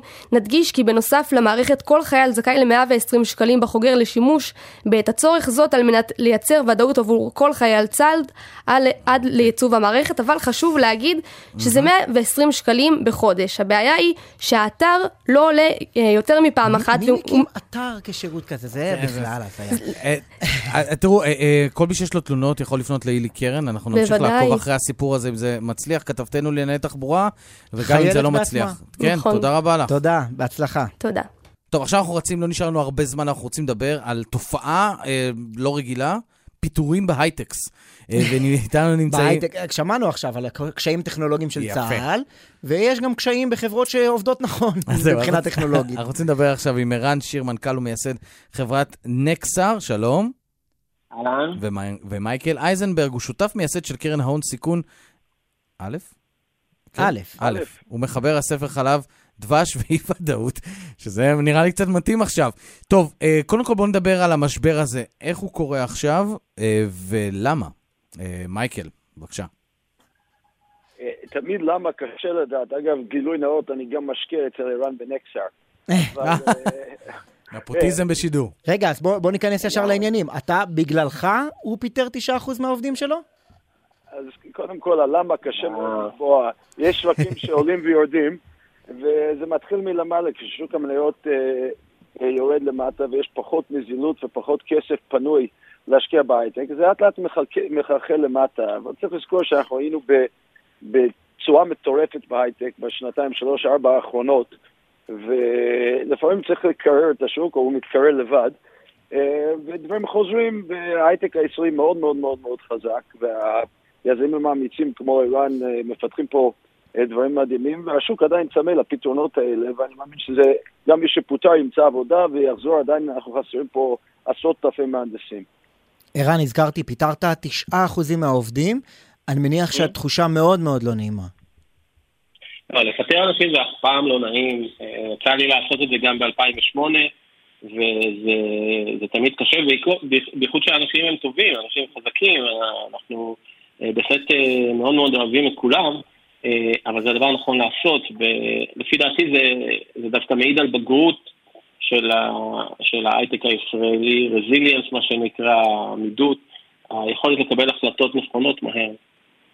כי הנזילות מהמשקיעים, ואמרתי מייקל, אבל לאו דווקא, היא פשוט קטנה, אתה חייב לעשות את זה? בגלל שאנחנו, כמו שאומר השיר, הולכים אל הלא נודע, כן? יש לנו עכשיו מצב אה, משברי בשווקים, יכול להיות שהוא יימשך חצי שנה, יכול להיות שהוא יימשך שנתיים וחצי, כן? ב-2008 הוא היה יחסית מהיר, ב-2001 הוא היה יחסית אה, ארוך, ו- ולנו יש אחריות אה, אה, לשמר את החברות שלנו, לבנות אותן, אותן לע- לעתיד אה, ארוך טווח, ולכן צריך לעשות את ההתאמות הנדרשות כדי שאם אנחנו בסצנריו הבעייתי, אנחנו עדיין נהיה פה בעוד שנתיים ו- ועם חברות משגשגות. ערן ומייקל, לסיום, הם מדברים על, ההייטק כמנוע הצמיחה הישראלי. ואם המנוע הזה מתחיל או לקרטע או לתת פחות גז, זה מעיד בסופו של דבר גם על, ה, על מצב המשק, לא? לא, לא, שום דבר לא מקרטע. אם אני יכול שנייה רגע להגיד רק דבר אחד, ההייטק הוא כמו פיצה, כן? פיצה, אה, גם כשהיא קרה היא נהדרת. אותו דבר אותו דבר עם וואו. ההייטק. הישראלי, גם כשהוא אה, עובר משבר, הוא עדיין אה, אה, באמת אה, בטופ העולמי ומאוד מאוד חזק. אתם יודעים, היות וכתבתי ספר על אי ודאות, שווה שנדבר על זה שנייה. גם בתחילת הקורונה כתבתי מכתב לכל היזמים, וערן בתוכו, שקודם כל עוצרים, אוגרים משאבים, ואחר כך אפשר כאילו ממש להשקיע אה, לתוך האי-ודאות הזאת, כי זה מה שצריך לעשות באי-ודאות. לוקחים רגע פסק זמן, אוגרים משאבים, מוודאים שהספינה יכולה לנוע קדימה, ואז ההזדמנויות נוצרות. וזה מה שקורה פה עכשיו, גם להייטק הישראלי. כואב הלב על כל מי שפוטר, ואני חושב שזה מאחריותנו אה, כחברה. אוקיי. וכמשקיעים לדאוג להם גם כן למצוא מקומות עבודה נוספים. ערן שיר ומייקל. אייזנברג, אנחנו נסתפק בדברים האלה בשלב הזה. תודה רבה לשניכם. ושיהיה בהצלחה ובהצלחה. לכל המפוטרים. ובכלל ועכשיו אנחנו רוצים את פינת ההמלצה. אופיר חיים, מאמן נבחרת הנוער בכדורגל. בבקשה. היי, כאן אופיר חיים. אני ומשפחתי בסופי שבוע אוהבים לראות סרטים שנים מהעבר. לרוב הסרטים שאני מראה להם, קומדיות, דרמות ומתח, לא מדבר אליהם, הם לא מבינים את ההומור ואת כל המשתמע מכך. אך סרט אחד מאוד נגע בהם, וההמלצה שלי בשבילכם הסופש זה סרט שנקרא Green Mile. זה סרט שהיה מועמד לארבעה פרסי אוסקר וזכה באחד. עלילת הסרט על אסיר כהור שמואשם באונס ורצח על לא עוול בכפו. זה סרט מטלטל, סוחף ובעיקר מרגש. שיהיה סופש נפלא, אופיר חיים. כן, Green Mile, סרט אדיר. אנחנו מסיימים עכשיו, ונאמר תודה לעורך שלנו רועי ועד, ליואב מייסיס ונמרוד פפרני, לבן רוטשטיין, לבן שני ורוני טרנובסקי, ליעל חיימסון, ומיד אחרינו עתיד עכשיו עם דרור גלוברמן. תודה, יניר קוזין. תודה רבה, ישי שנרב. אה, כל טוב לכם, תראו סרטים, זה תמיד כיף. שבת שלום. שבת שלום.